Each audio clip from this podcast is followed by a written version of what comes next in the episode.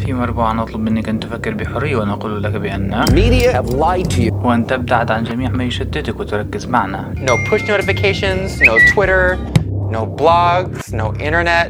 God, that sounds peaceful. وألا تؤمن بما يقال في الحملات الانتخابية لأن greatest political hope. نحاول نأخذكم إلى عالم الأفكار المختلفة بعيد عما يفرضه البعض هذه خطيرة جدا لأن هناك الكثيرين يحاولون أن يخفوا الجانب الأكثر وضوحا للحقيقة Are you serious?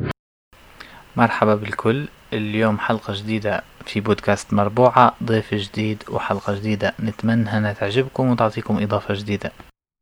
نبدو حلقتنا اليوم في بودكاست جديد مع ضيفنا صلاح البطي. صلاح البطي ضيف غني عن التعريف في عدة مجالات منها الفلك آه، تحت مؤسسة أو تحت رؤية لهواة الفلك.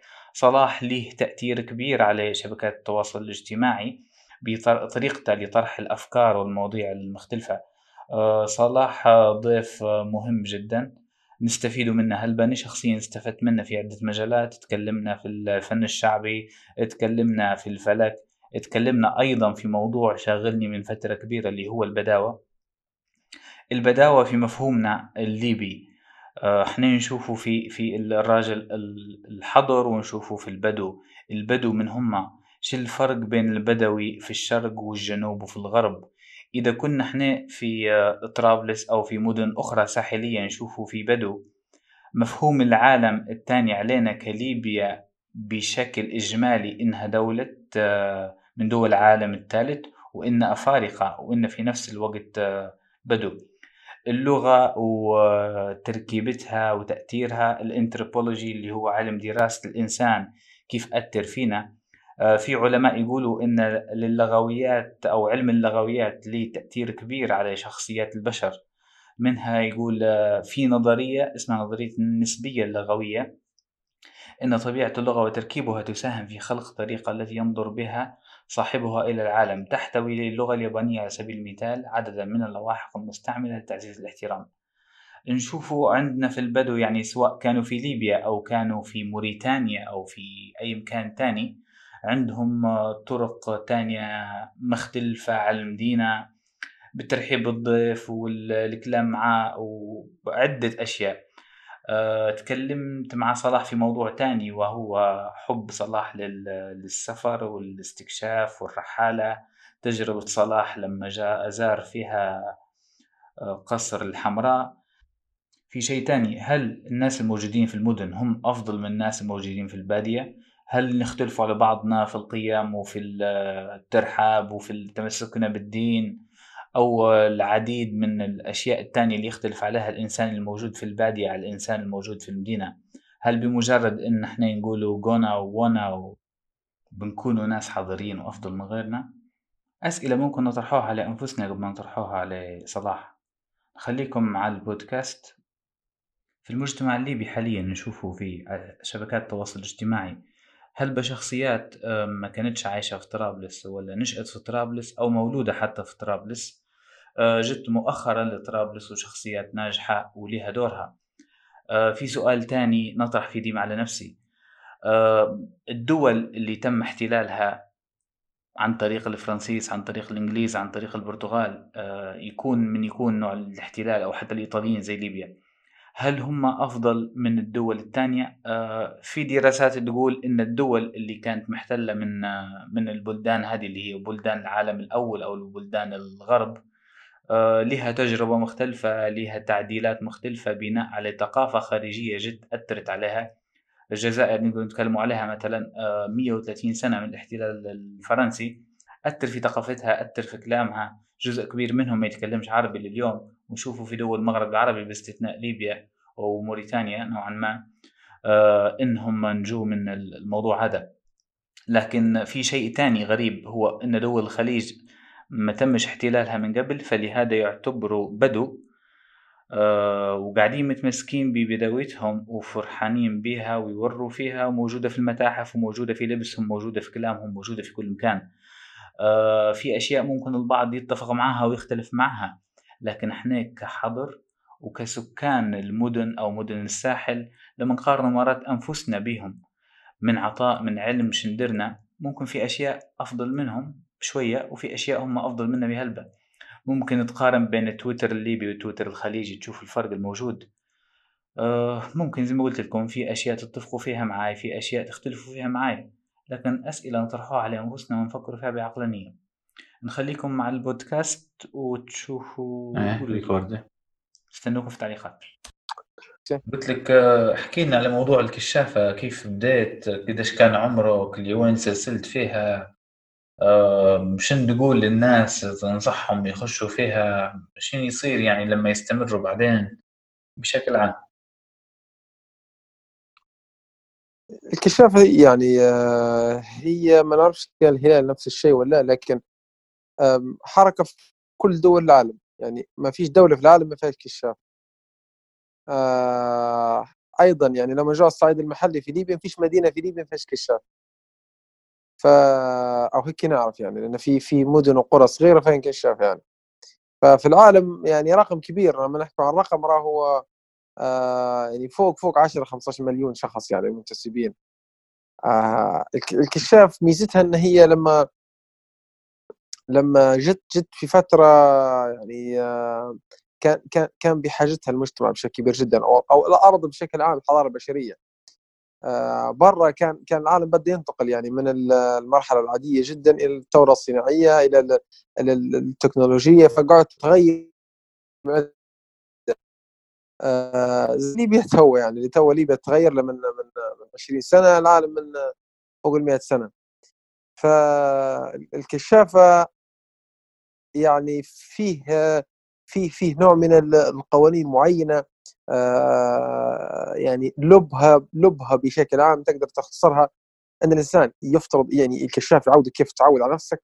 ثاني شيء الكشاف يفتح لك أفق كبير جدا ما كنتش يعني ما كنتش ممكن تفتحه.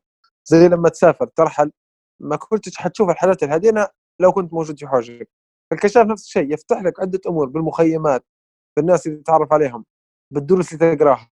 بالعادات والتقاليد في الكشاف بالقوانين في الكشاف. فهو زي الناس ما فيش مثلا أنت ما عبارة عن الكشاف مش حتوصل آه نقولوا كيف مثلا الجيش عبارة عن عقيد أو مشير أو أركان حرب لا ما ما في شيء تارجت وإن كان إحنا عندنا الرتب دي كلها الرتب عبارة عن شيء تدريبية أو قيادية. يعني أنا نتدرج في الرتب الكشاف بس مش كل ما نقول نزيد المعرفة بتاعي نعطي للي بعد فهي كيف ال- المدرسة يعني؟ كان احكي لك في التدرج لكن يعني مش عبارة عن خش باش نوصل مرحله فنيه بناخذ فلوس لا. الكشافه عبارة عن مدرسة تنظيمية بحتة. تدخلها أنت إذا كانك حاب آه، تخوض أي تجربة جديدة. أنت أنت إنسان في ناس يا معتز يحب يقعد في الحوش ديما. هذا ما. عندك ما تدير. لكن الإنسان اللي يحب يخرج يحب يطلع يحب يكتشف يحب يحب في شيء جديد هذا الكشاف هذا مكانك. أنت مجرد تدخل الكشاف إذا كانك بتاع كورة حتلاقي ال- ال- ال- البيئة اللي صالحه لك وحتطور نفسك. إذا كانك بتاع علاقات ما تحب الناس حتلاقي لين تعيا ترحال وصلت في الكشاف. إذا كانك بتاع إذاعي وإعلامي وعندك فالكشاف فهم كيف صاير؟ هم يصقلوا الشخص وبعدين ال- الكشاف يفتح لك أفق على الجهات اللي أنت إذا كانك تحب التدريب وتحب العطاء فالكشاف هذا المكان اللي أنت وصلت له. تحب التنمية وتحب المجتمع والعطاء وال- والتطوع والفولنتيرز فأنت وصلت للكشاف فهو كل الحاجات اللي أنت تحبهم حتلقاهم في الكشاف. يعني خصوصا اني أنا خشيت في 98 الكشاف فترة نهاية التسعينات وبداية الألفينات ليبيا كانت عادية جدا بسيطة. فكان الكشاف يعتبر إنجاز عندنا يعني. كنا نمشي يوميا للكشاف يوميا في الصيف للكشاف. يعني عندنا حاجة رهيبة جدا. فالأمانة يعني آه، أنا أنا مستمر. وإن كنت يعني لما يعني آه، انتقلت للحياة في طرابلس آه، يعني ما أصبحت آه، عضو فعال أو نشط بحكم إني طرابلس أنا انشغلت في أعمال وغيره وكذا. لكن آه، متواصل دائما يعني مع فوج اللي هو فوج سيد اكتشاف مرشدات نحاول كل ما نقدر نديرها معاهم نديرها متواصل معهم دائما أيضا القيادة العامة في في طرابلس ولا مفوضيه طرابلس. أي مخيمات في طرابلس دائما أنا نكون جزء منها طبعا في الجانب العلمي اللي هو جانب جمعية رؤية. أي نشاط الا إلا يعني تم دعوتي لي إلا نلبيه أنا وإذا كان مش ما نقدرش نرسل أحد من الشباب الجمعيه زي ما صرت آه، جزء مني فالكشاف جزء مني أنا جزء من تاريخ وجزء من من من الشخصية اللي صالح سواء كانت سيئة في الكشاف إذا كانت جيدة في الكشاف جزء منها. آه فحق يعني الكشاف من من الجهات اللي آه، الإنسان يفخر جدا جدا إنه يقول يعني إنه هو جزء جزء منها. وأي حد فات القطار وما دخلش إذا كان عنده أولاد يعني صغار وكذا ما يقولوا أولاد يعني أطفال يعني أولاد وبنات. يقدروا يعني يدخلوها ومش حيندموا يعني. الامانه ننصح بشدة إن الإنسان يحط أولاده في الكشاف يعني. جيد جدا والله شيء جميل. باهي صلاح أنت من الكشافة وترحلت يعني نقولوا في ليبيا وبرا منها وكل شيء واحد وتوا لما كبرت ممكن ورثت فيك الروح متاع السفر والاستكشاف وإنك تمشي مكان لمكان كانوا عندك تجربتين آه، مميزات آه، واحدة هي كانت بالي والثانية هي, كانت هي الاندلس ولا؟ والله هو أنا دائما ترحال فالحق يعني الترحال بطلش عنه فهواية يعني الامانه الناس طبعا في ليبيا ليبيا بلد كلاسيكي شوية يعني ما عندناش اختلاف اللي هو الاختلاف الكبير جدا ما عندناش الدولة ما زال يعني ماهيش متطورة ومجتمع بشكل عام. نقول تطور ما نحكوش التطور بمفهوم السلبي نحكي عن التطور الإيجابي يعني للمجتمع آه، أو النضج. فالسفر جزء جزء من الهواية بتاع الإنسان يعني ترحال وكذا. آه الناس عندها السفر حاجتين يا إما كويس بفلوس أو دوا زايدة. آه والسفر لا بفلوس ولا دوا زايده يعني أنت تبي تسافر آه تقدر بأقل الأسعار. يعني كان عندي مرة تدوينه يعني آه على على آه يعني سبع نقاط لخصتهم. كل تجاربي في السفر لخصتها في السبع نقاط. اللي كيف تسافر بأقل الميزانيات. يعني أنت تبي تحب تصرف حتى أرقام كبيرة أوكي مشكلتك يعني. لكن تقدر تسافر بأقل ميزانيات. وما هوش زوا فارغة نهائيا. أنت تشوف أنه مثلا كلام فارغ وصرف فلوس فمشكلتك يعني ممكن أنت تصرف دخان قدر هو في السنة تتكيف به يعني نتكيف يعني لما نركب طائره ونسافر ونركب مع سيارة إنسان من دولة ثانية نشوف قصر قديم. فهذا كيف يعني؟ فهو كل شخص يتكيف. لكن السفر ما هوش ما هوش غالي وما هوش ما هوش ما هوش دوا فارغه يعني. الناس تقول يعني مشكلة الفيزا وكذا ما هيش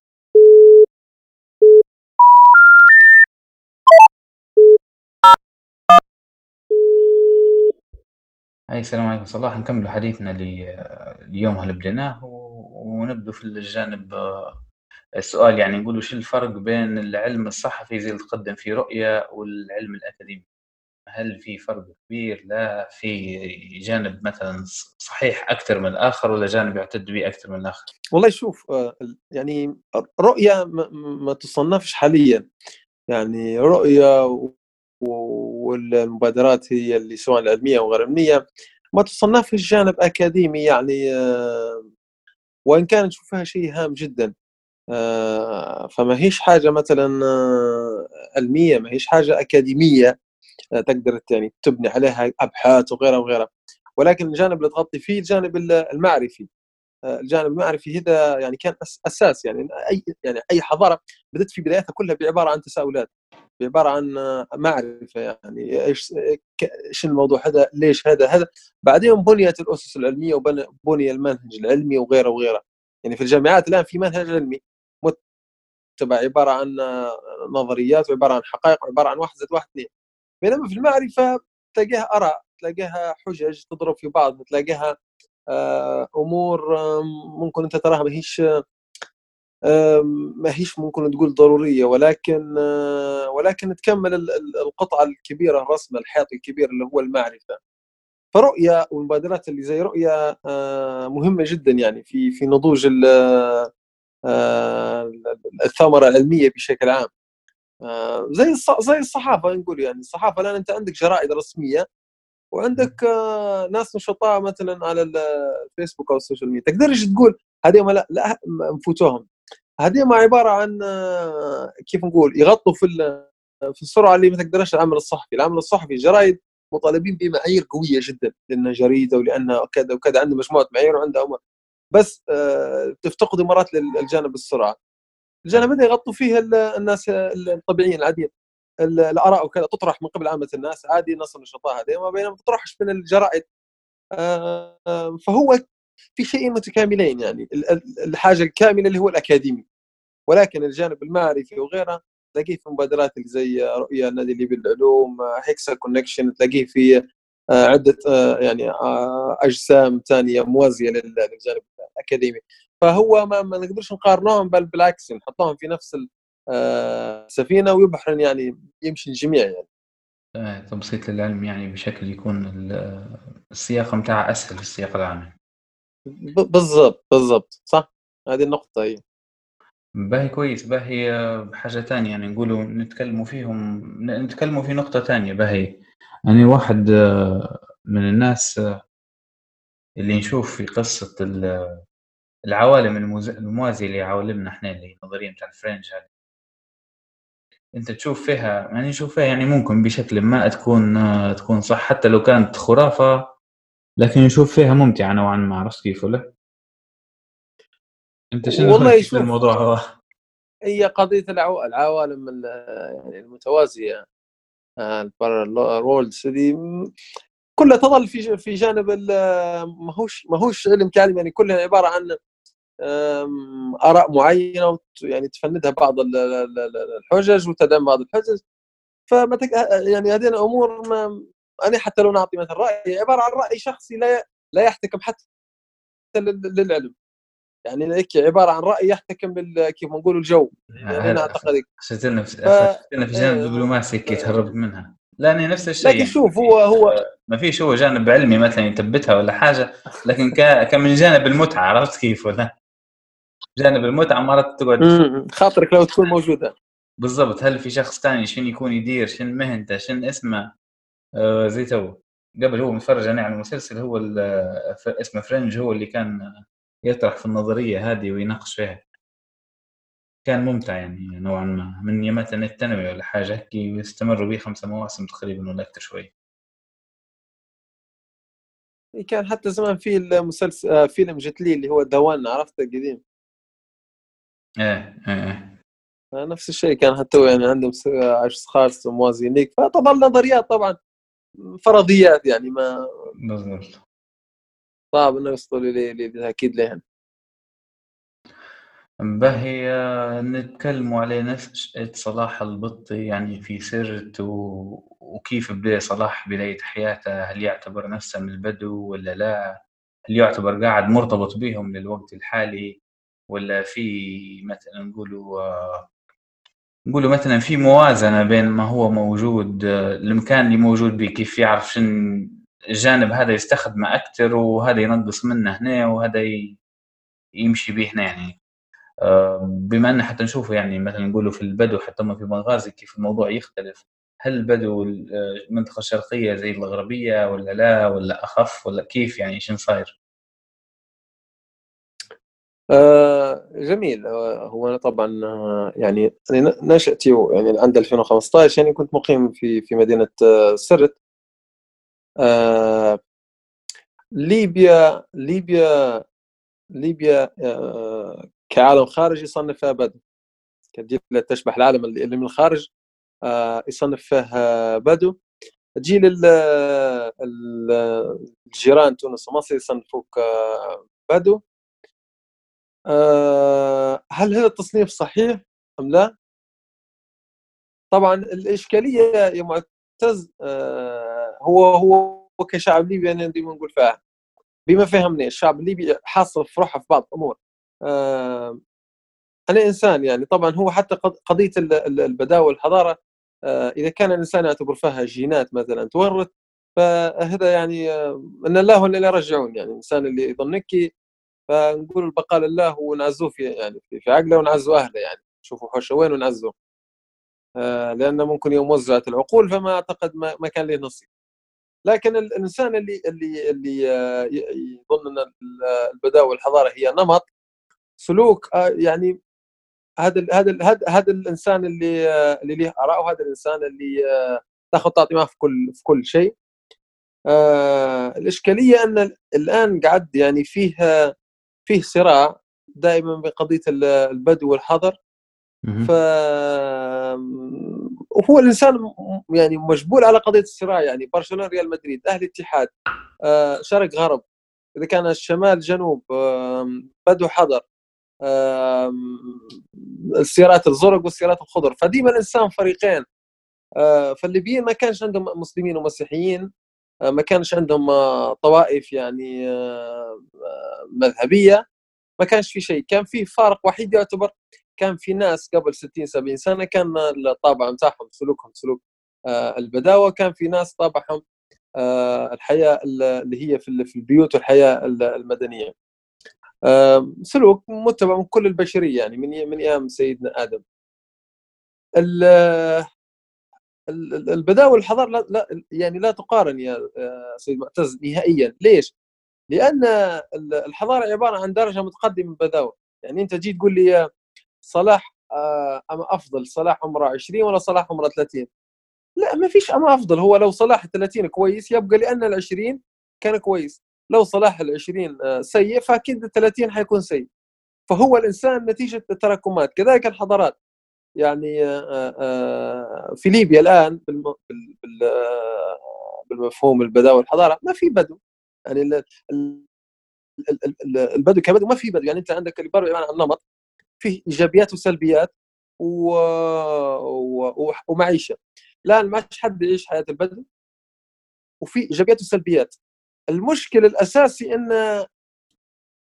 يعني عدد كبير جدا من من يدعو البدو الآن حتى إيجابيات البدو ما عادش عنده تجي الطرف الثاني آه نقول مثلا آه، سواء آه هو ما فيش مدن ولكن نقول سواء عائلات قبائل أو أو, أو مناطق أو كذا كذا آه حضر آه قضية حتى الحضر الحضارة عبارة عن شنو؟ عبارة عن آه معرفة أساليب تطورية آه، أمور إدراكية تقدم وقبول وغيره وغيره وغيره. الشعب الليبي بشكل عام ما عندهاش قبول. يعني المهاجرين في ليبيا مثلا الكوميونتي بتاعها منعزل جدا. آه العنصرية موجودة بين كل المدن. أنا الآن ما نبيش نحكي ولكن أنت أنت حط أي مدينة في بالك تلاقي في زي الديربي.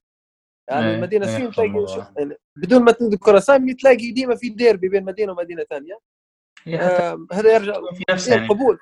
هي طرابلس يعني حتى في حد ذاتها بين المنطقة والمنطقة بدل الموضوع ما بين المدينة ما هو قلت لك هو هو الإنسان ضروري يدور. الشارع والحوش والحوش.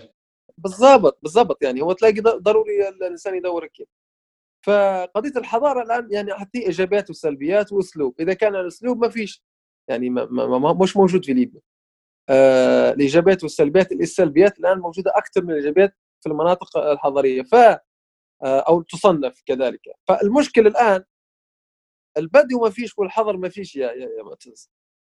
يعني ما ما لو ممكن حد حيسمعني تو يقول لي لا وك... يا عزيزي يعني هي مش بالعناد انت كشخص آه عندك مثلا صفات البدو وصفات الحظر الجميلة الجيده ممتاز. أنا نحكي عن عن بشكل عام. أنا ما نفصلوش في شخصية. ما نحكوش عن صلاح معتز ولا علي. نحكوا عن بشكل عام. آه فما فيش مجتمع ملتزم أو نقولوا بسلوك الحظر كامل. يعني مثلا السلطة. ما فيش ما فيش آه، قضية التسليم واستلام مجالس البلدية مناقش تلاقي المحاصصة في الدولة الليبية بالكامل. يعني الدولة الليبية بحكوماتها بدنيتها محاصصة بالكامل. يعني محاصصة ما بين محاصصة فاقش وما بين محاصصة آه ثورية وإلى ذلك.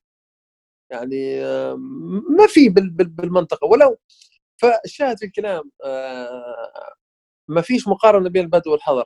البدو عبارة عن مرحلة واجبارا يفترض أنك أنت تنتقل للحضر. فما تقول لا والله أنا نفتخر بدوي ونفتخر أو حضري ونفتخر. البداوة هلكت ليبيا الحضر هم اللي باعوا لي. ما, ما هي شكي ما تجيش. يعني صف ثالث ثانوي قبل ثاني ثانوي ضروري. من انتقال مرحلة بمرحلة.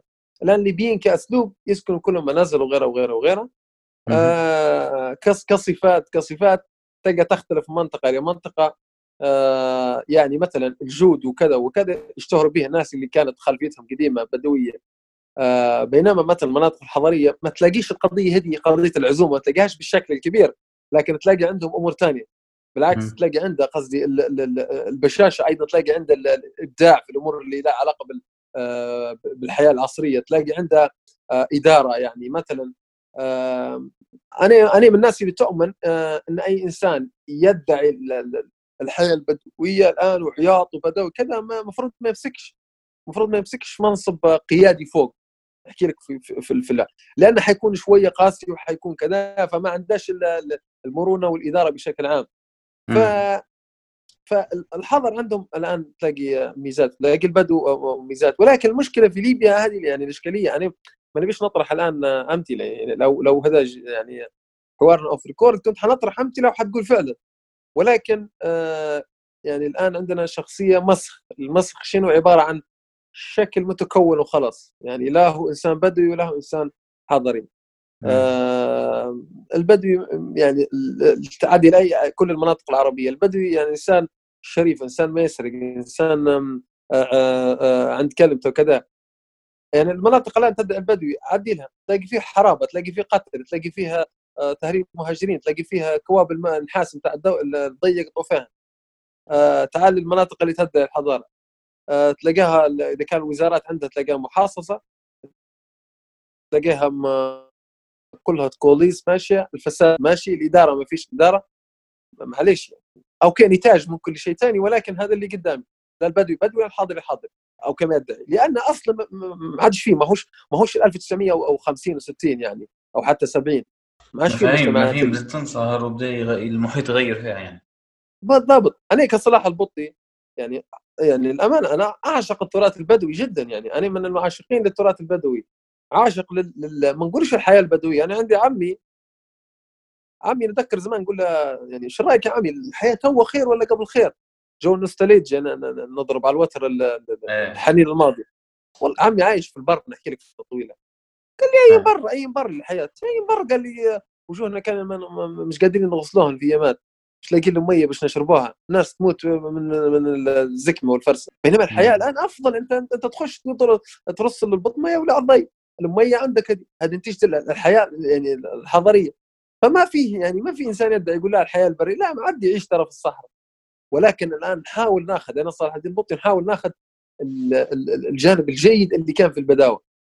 نعيش في, في الحضارة. يعني مثلا آه أنا الآن أحد أحد أعضاء مؤسسين مثلا جمعية رؤي نطمح إن الجمعية تصبح يعني من المؤسسات العريقة. يعني جمعية رؤي الآن أكبر جمعية فلكية على الفيسبوك يعني عربية. يعني حتى على مستوى مم. العالم قد يرى عندنا تصنيف جيد على على الفيسبوك لما تحكي. يعني جمعية ما, ما بدون إعلانات ممولة نهائيا. هذا جانب نطمح له آه بشكل كبير مع كل أصدقائي. عنصر فعال في الكشاف. نحاول نحاول يعني الجانب المجتمعي الجانب اللي هو التطور به الحضارة. يعني مش نكون في فعال ولا ولا أحد. أنا جزء أساسي مفروض في الموضوع هذا. هذه مسؤوليتي جدا. ولكن نحاول إن الصفات البدوية هذه ما, ما تريح مني يا معتز. فأنا إنسان الطابع البدوي نفخر به جدا ونحبه. يعني من إنسان نحب إن يعني نقضي وقت حتى في الصحراء وكذا والحياة البسيطة هذه يعني غالية علي. لكن ما نقضي عمري كله غادي والناس ما تقضي عمرها غادي لا إحنا محتاجين حضارة. يعني الحضارة ضروري تبنى. فملخص البداوه الحضر في ليبيا أنا أشوف نشوف انه ما في حضر وبدو في ليبيا. يعني يا ريتهم حتى بدو يا ريت حضر ما فيش. يعني عبارة عن مصر كأفراد تلاقي تلاقي ناس يعني من البدو الأصليين بكل الصفات الجيده وتلاقي من الحضر الأصليين كذا ولكن اللي موجود ما شيء آه، مسخ ما بين الاثنين وإن شاء الله الموضوع يعني ما ما يتراكمش آه، للاسوء يا معتز يعني. إيه، يعني نقول في الوقت الحالي لما تقارن مثلا نشوف انه زي ما قلت لك يعني في البدو هنا والبدو مثلا هذا إني خلطت يعني ناس من الشرق وكانوا يعني كان في صراع يعني في حد ذاتهم بينهم. ما لاحظتش الموضوع إحنا مهتمين به في المنطقة الغربية زي ما مهتمين به هم. ما نعرفش يعني شو كان السبب بما أنك كنت في الكشافة يعني أكيد أنت كنت آه، عندك علاقات هنا وهنا. الحق باش نقول لك إن أنا عندي القدرة إني نحلل الموضوع وعلاش؟ ديما بتجي تشوف لو تجي لاصول الموضوع كشخص جاي جاي من طرابلس ونشوفه صعب يعني. حتى نقولوا مثلا المراجع كل واحد يتعلق يتعلق في أي مرجع عرفت كيف ولا؟ فلهذا ممكن نقوله بناء على تجربة مثلا شخصية ولا بناء على اللي مريت به شن شن السبب؟ كيف تشوف فيه؟ هو مش السبب إحنا ما عندناش مشكلة باش نطلعوا لها السبب. إحنا عندنا مجتمع ليبي خصائص يعني آه، آه، زمان أنا عندي صديقي قال لي يا رجل آه، هو يعني من اقصى شرق ليبيا ففي كلمة غريبة. قال لي ما فهمتها. قال لي يا رجل كلام غريب واجد. والله قال لي ليبيا دي ما, ما تبي لها قسم. فقلت له يعني هو هل ضروري أن البقعه الجغرافيه الكبيرة جدا؟ هذه ضروري كلهم يكونوا روبوتات نفس الم... لا مش ضروري. يعني أنت عندك دول اختلاف لغات تمشي يعني مش لها اختلاف سويسرا يحكوا أربع لغات. أنا متأكد. ثقافاتها تكون عديده بكل يعني لغات يعني بالضبط. يعني أوكي تلاقي عندهم كلهم أو يقدروا يحكوا جميع بنفس اللغة لكن أربع لغات. تصور أنها ثقافات يعني تمشي للصين قصدي ثقافات لين تنخلق ليبيا ما هيش آه، 100 كيلومتر مربع راي. 1.8 مليون كيلومتر مربع. ليش هي لو ما كانتش مختلفة حتكون في مشكلة. كيف دولة كاملة هيك تكون نفس الكلام أو نفس ال- كل شيء؟ فضروري في الاختلاف. عندك اختلاف آه، قبلي اختلاف آه، ثقافي اختلاف آه، جيني اختلاف كامل. فما تقدرش تقول مثلا ليش آه، الجانب القبلي موجود في في الغرب مش في الشرق أو وفي الشرق مش في الغرب. هذه عبارة عن خصائص معينة يعني ترجع للهجرات القديمة جدا ترجع لل- للهجرة العربية الأولى لما ال- القبائل آه، بني هلال والسليم جزء كبير بكل يعني قعدوا في شرق ليبيا. فالموضوع قصدي يرجع تاريخيا للإندماج بس يعني القبائل العربية ال- ال- البدوية الجزيرة العربية لأن استوطنت ليبيا. فالموضوع أعتقد إنه هو صحيح جدا. الإشكالية وين يا معتز؟ معك. الإشكالية عندنا في قضية أنا اللي في غرب ليبيا ما يعرفوش الشرق واللي في الشرق نسبة كبيرة جدا ما يعرفوش الغرب يعني بالضبط. اللي في. الشرق يعرفوا الغرب أكثر من الغرب معرفتهم بالشرق لأن يعني ليبيا يعني أنا علاش يعني. بما انك بما إنك تعتبر جاي في الوسط وبما إنك كنت في الكشافة يعني أكيد عندك واحد خلطة أكثر بين كلهم هو شوف إحنا كسرت الحمد لله موقعنا فرض علينا إن إحنا يعني فاهمين الكل. يعني لأن موقعنا في النص فالكل بيطلع من الشرق الغرب ولا حتى الجنوب تلقى روح تمر على سرت فالناس في الشرق والغرب والجنوب وفيها أنساب وأصهار. لكن الاشكاليه وين؟ في طرابلس؟ طرابلس ما كانش عندهم أي حاجة إنه يخرج برا طرابلس. يعني أنت ما عندكش شنو ماشي تدير بعد تجربة. كل شيء عندك موجود غادي في طرابلس. مش كل شيء لكن نحكيك الضروريات. بينما باقي ليبيا كانوا مجبورين إنهم يجوا لطرابلس. بحكم انها يتابعوا كانت كل شيء من كل يعني من ناحيه من ناحية نقول من بالضبط، يعني حتى التلفزيون- من جانب المعيشة ومن جانب كل شيء. حتى التلفزيون كان مختزل بشكل كبير جدا كان في طرابلس. آه. من هل مختزل من الدولة من ناس من الشباب من قبائل؟ هل قصور المدن الأخرى؟ ما نعرفش يعني نحكي لك عن نتيجة. السبب في الموضوع ده ما أنا ما أقدرش أحدده. لكن آه. الاختزال كان موجود في طرابلس. اللي في طرابلس ما كانش عندهم فأنت لما ما تطلعش برا مش حتكون صورة. أنا ما عمريش مشيت للسنغال. ما نعرفش السنغال دولة مش دولة قبائل بشر زينا مش عارف- كلها تلفزيون ما نقدرش نحكم. فما دام ما مشيتش غادي أنت تبدأ تبني في أفكار كلها على التلفزيون وتبني أفكار خصوصا في التو في التسع سنوات هذه والمشاكل والحروب والضغط هذا يولد أمور واجدة جدا يعني خصوصا مع الفيسبوك. فالناس كونت عندها يعني يعني مثلا أنا نعطيك يعني عندنا حقيقتين آه، آه، يعني شرق ليبيا ناس طيبة جدا جدا وعندهم كرم وطيبة. والله يعني جدا جدا جدا. آه، الغرب مش ما هم مش طيبين لا يعني لكن أيضا الغرب تلاقيهم ناس مثلا نقول براغماتيين ناس يعني في إدارة الدولة مرات أفضل شوية تلاقيهم من الشرق. هل الشرق ما فيش؟ لا في ولكن خصائص. هذه الفكرة هي يعني خصائص. قضية إن ال- الشرق أكثر طيبة وأكثر آه، آه، آه، أجواد وغيره وكذا لاحظ إنه ما عندهمش نزاعات ما بين- بينهم. بينما في الغرب لأن في برغماتيه أكبر. البرغماتيه هذه مرة مرة تسبب في آه، نقد مواثيق وغيرها تص- مشاكل مدن وقبائل لكن لما تخصص البرغماتيه هذه الدولة وغيرها فتطور الدولة. ففي خصائص إذا كان وظفت صح صح. تجي مثلا الجنوب الليبي منسي من الشرق والغرب. دائما الجدال شرق غرب غرب شرق شرق يا جماعة جنوب. آه، ليبيا كلها مساحتها في الجنوب. تنفضكم. ميتكم تجي كلها من الجنوب. الجنوب أيضا مقصرين أهل الجنوب مقصرين في حقه مش قادرين يرفعوا قضية الجنوب بشكل كبير جدا. فليبيا خصائص راهي دولة كبيرة جدا. ما- تستغربش لما تلاقي آه، نقيض في الدولة يعني نقيض لي يعني تقول والله القبيلة منتشرة غادي. لا هو خصائص انها كذا غادي.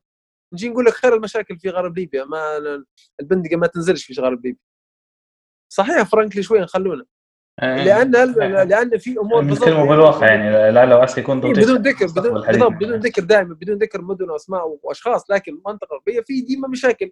إحنا ما مم. نحكوش عن حاجة اثنين ليش؟ هل هم آه، يهود في بعضها؟ مش يهود ولكن هي الفكرة إن في خصائص معينة في في في ناس نسي- نسيجها براغماتي شوية تلاقي الموضوع يعني لما يوظف في الصح صح ولما يوظف في المنطقة الغلط يفلق له هناك نفس الشيء في الشرق فالحمية القبلية غادي موفرة غطاء كبير جدا لعدة أمور وناس طيبة وأجواد الحق يعني راهو أكثر مما تصور يعني لكن الحمية القبلية مرات تكون في الجانب السيء فهو شوف المجتمع الليبي قلتها في البداية في هدرستنا وبما فهمنا حاصلين في روحنا في بعض المشاكل آه، اللي ما هيش ما هيش ما هيش أساسية يعني ما هيش ما هيش أعتقد في نظري الأولوية المفروض. آه بارك الله فيك. يعني انت غطيت يعني تقدر تقول كل شيء أكثر حتى من اللي كنت أنا نتصور ولا حتى اللي كان عندي اطلاع به خصوصا يعني في الوضع نقول الوضع المحلي. كلمتك صح. يعني أنا أنا من سكان طرابلس ما كنتش نعرف آه، أي شيء على المدن اللي برا طرابلس في 2011 بس نسمع في امكانات يعني امكانات قريبة نقولوا يفرن وغيرها هذو قرابة هنا ما كنتش نعرفهم. ما. ولما سافرت برا ولقيت آه، الناس يعني من كل ليبيا قعدت في مناطق نسمع فيها اللي مستغرب ما نعرفهمش بكل. آه، فلهذا ممكن زي ما قلت أنت يعني إحنا نحتاج نعرف بعضنا أكثر من أي شيء ثاني قبل يعني قبل أي حل ولا قبل أي شيء بيصير المفروض إحنا نعرف بعضنا أكثر من هيك. باهي صلاح آه، بال بال بالأهوال اللي تكلمنا عليها كلها نقولوا مثلا آه، نقاط اللي ذكرناها صلاح البدوي الحضري. كيف كيف صلاح انتقل من سرت إلى طرابلس؟ كيف كيف كانت فكرة الانتقال وكيف صارت؟ أنا انتقلت طبعا شهر 9 2015 انتقلت لطرابلس.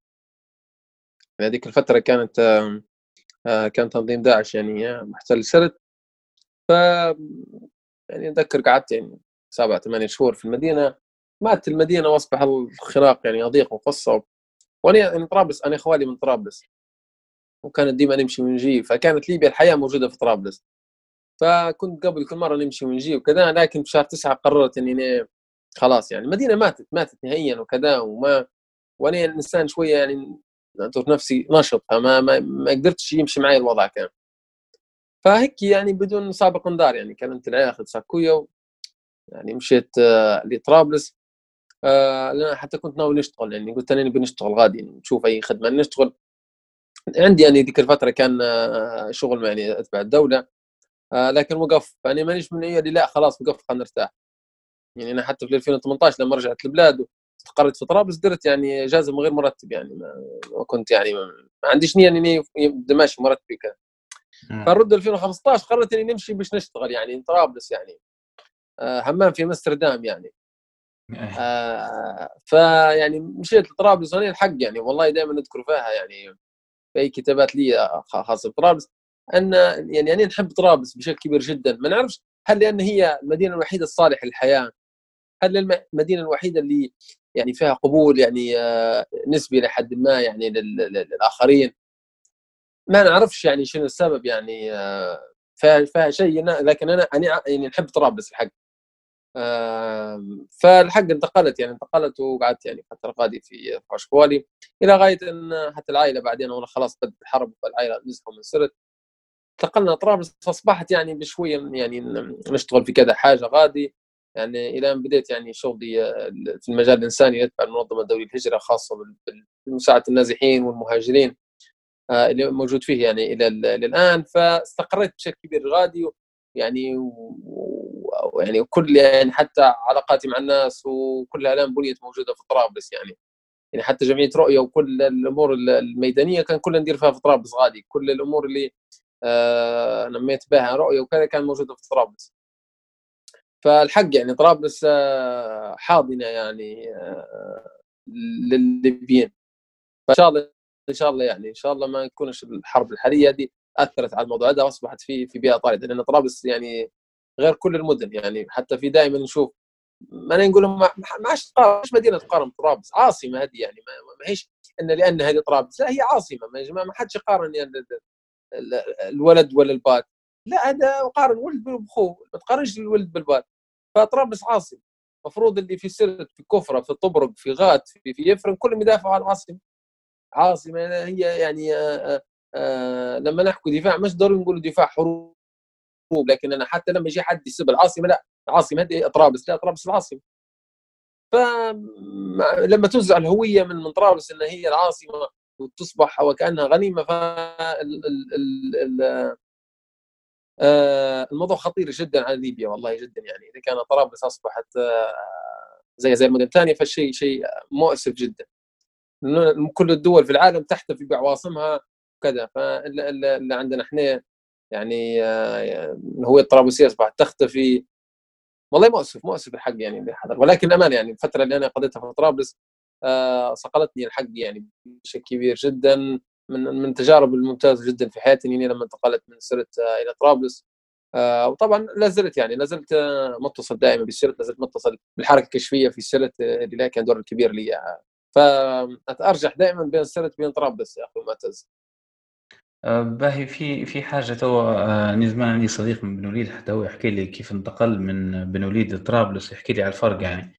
ممكن إحنا كسكان طرابلس في حاجات ما كناش نحسوها يعني. نقولوا مثلا بالاحرى سكان طرابلس اللي ما عندهمش أي صلة برا. يعني في اللي مولود في طرابلس و في طرابلس. بالضبط أخوالة ولا عندهم حوش في اي ناس من طرابلس. لا نتكلموا مثلا في ناس مثلا نقولوا من يفرن ولا من من الجبل ولا من الجنوب ولا من أي مكان تلقاه يعني يمشي ويجي. نوعا ما قاعد لين تحسه بين هنا وهنا يعني شخصيته فيها من جنبين. لكن بالنسبة للناس مثلا نقول اللي ما يمشوش بكل أو الناس طرابلسيه في حد ذاتهم.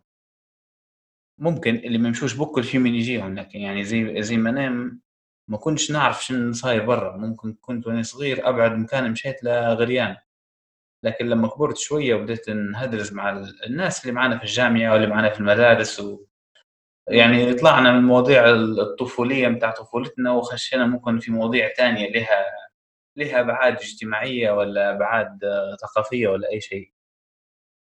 أه نتذكر قلت لك هو صديقي درست معاه وكنا نحكوا يعني على الفرق كيف. أه طبعا كلامه كان حوالي في 2012 2013 حتى هو انتقل لطرابلس.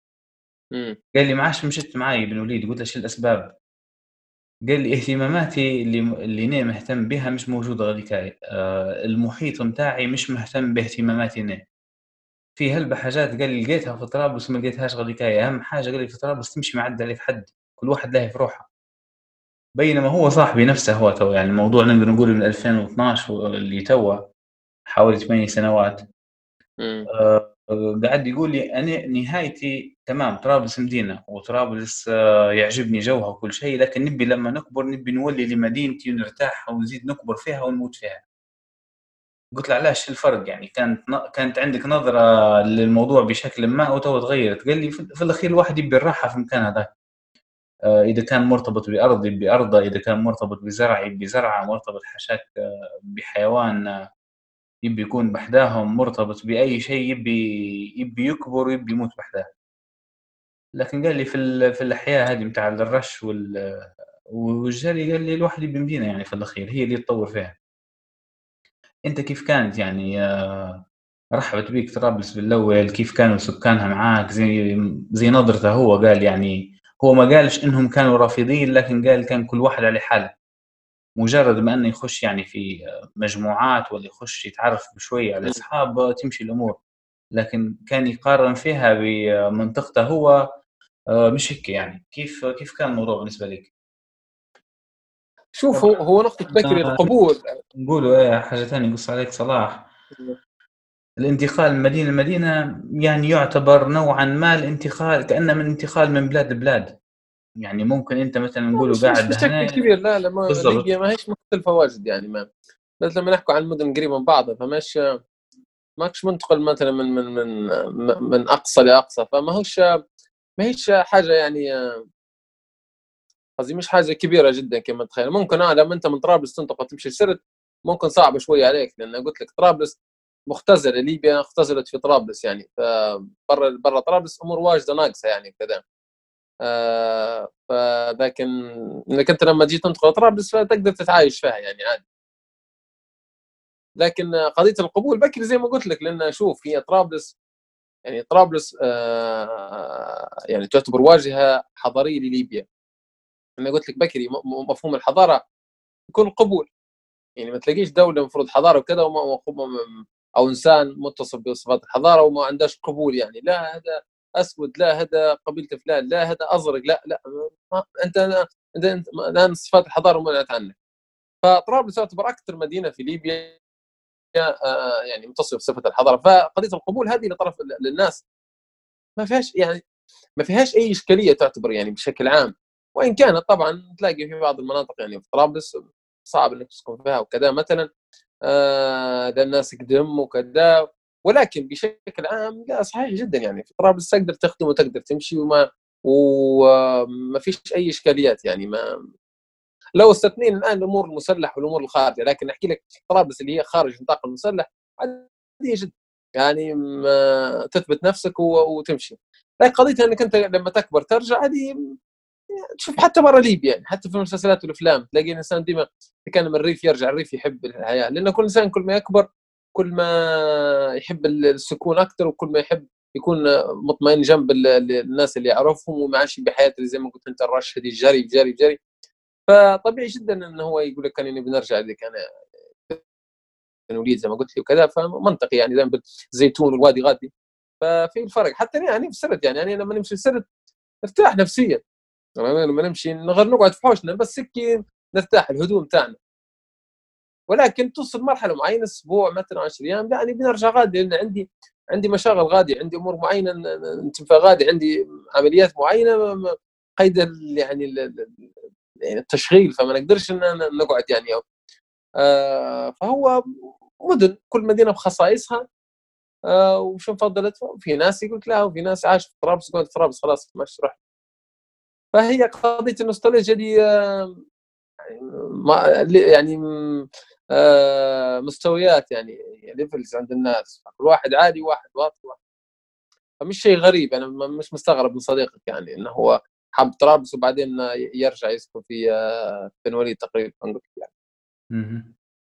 باهي ننتقلوا لحاجة ثانية. مهدرزين فيها قبل أنا وياك آه، آه، في فترة الحرب لما صارت الحرب في سيرت وكيف انتقلتوا وقعدتوا في قعدتوا في الصحراء.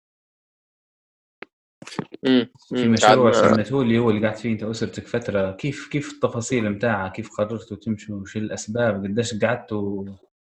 قدرتوا تقعدوا غديكاي يعني آه، تحملتوا؟ طلعتوا منها لأنكم ما عادش تحملتوا؟ ولا مجرد أول ما توفر بديل تاني طلعتوا؟ كيف كانت التفاصيل؟ طبعا هنا ال- تحكي عن فترة 2011 اللي هي لما صارت الحرب في مدينة آه، سرت. آه، يعني طبعا سرت صارت الحرب يوم 15 9 2011 آه، وصلت طوال المدينة وطوقها من كل الأماكن أصبح فيه يعني قصف آه، ثقيل وخفيف ومطاء وكان ناتو الحق يعني كانت فترة مؤلمه جدا جدا يعني بغض النظر أسباب وغيرها وكذا كانت فترة مؤلمه يعني يعني فقدت يعني في الأسبوعين هذين عدد لا باس به من ال- ال- ال- الأقارب المقربين جدا الجيران الأصدقاء. آه فإن شاء الله ربي يغفر يعني الناس اللي توفت ذيك الفترة. فكانت المدينة تحت يعني قصف عنيف أسبوعين كاملات.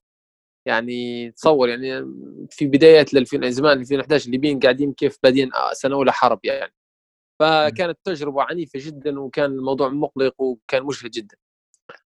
أسبوعين كاملات يعني تحت القصف أغلب المدينة طلعت اثنين يوم يمكن 10 واحد 10 خلاص يعني. آه، درنا قافله سيارات وقلنا هيك توكلنا مع الفجر فطلعنا. طلعنا و- وما كناش نعرف حتى هم بنعدوا ذيك الفترة نحكوا عن قافله يعني عدد لا باس به من العوائل يعني. 20 سيارة 15 سيارة وحاجات كيف آه فقعدنا في آه آه إحنا عندنا فيه هو نقول مزارع لكن ما يعني زي ما نقولوا آه، أنتم في طرابلس زي ما تقولي المرازيق مثلا في طرابلس بعي- بعيدة عن طرابلس وعبارة عن أغلبها مش مش أراضي بس. فكان عندنا تركانيكا فيها يعني أراضي لينا آه، وكان في مشروع يتبع الدولة قبل يجروا فيها مية ولا ضيب هم مكي فقاعد فيه مخيم أو كامبو يعني كما نقول إحنا كامبو آه، بالبراريك يعني. آه، للشركة تركيه بس شركة مصرية بس راح له هم مشينا المنطقة بتاعتنا إحنا هذيك. نذكر أول يوم مشينا للوادي هذاك قال الزكير هو. فحرفيا أول ليلة مشينا للوادي آه بتنا هيك في الصحراء. يعني حرفيا إيه. أحكي لك أول ليلة بتنا طبعا في كان زوز ديار في المزارع بتاعنا.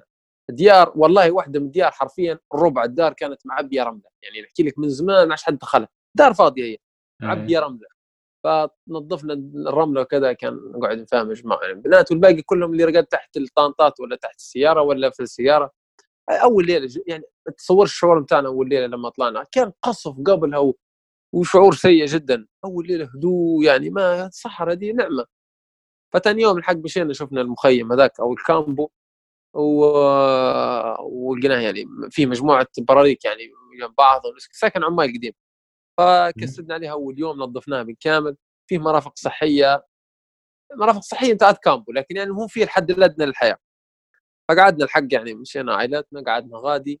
لكن نحكي لك صحراء يا يا معتز يعني لا, لا تقول لي تغطيه هاتف لا انترنت آه، الضي كان عندنا فيه مولد لل- للكامب وكان عندهم غفير بس يعني هذا الوحيد اللي قاعد يعطي فلوس فيولع فيه ساعتين بعد المغرب ساعتين كان الناس بتتعشى ولا شيء إيه. فالساعتين هذين إحنا يعني قعدنا حوالي شهر و حوالي شهر ومعه شهر وشوي آخر ممكن أسبوعين بس كيف ج- درنا ساتلايت وقعدنا نعقل ونسمع في ساعتين يعني الأخبار نشوف شنو صاير شنو صاير. فإني تصور أنك أنت يعني نرقدوا بكري غادي ونوضوا مع الساعة 6 7 حرفيا ما عندك شيء. صحراء فاضية وخلاص. لكن أنا يعني بالصدف كنت جايب يعني آه، مجموعة يعني كتب كنت نقرأ فيها. فكنت على وشك إني نكملها. فكملت بسرعة كان ذيك الفترة سلسلة آه، الكامل في التاريخ يعني لابن آثير. فكان حوالي 11 كتاب هي في الطبعه بتاعت زمان الجيش كان يوزع بها مجانا. آه. فهذيك كان ذكر قريتها كان لأن ما كانش عندي شيء حرفيا يعني نمل من القراية نسكر الكتاب ربع ساعة رد ما عنديش ما ندير يعني ما يا إما تقرأ يا بترقد. النوم خلاص بكر شوية يعني حتى النوم يقلق منك. فالهدرزه قديش منها أنت؟ ما عندك ما تهدرز فالحق يعني كانت تجربة هو ما نقولش عميقة لكن فريدة جدا إنك أنت تقعد في صحراء يعني آه، من الحرب وغيرها وكذا. أكثر موضوع الكورونا.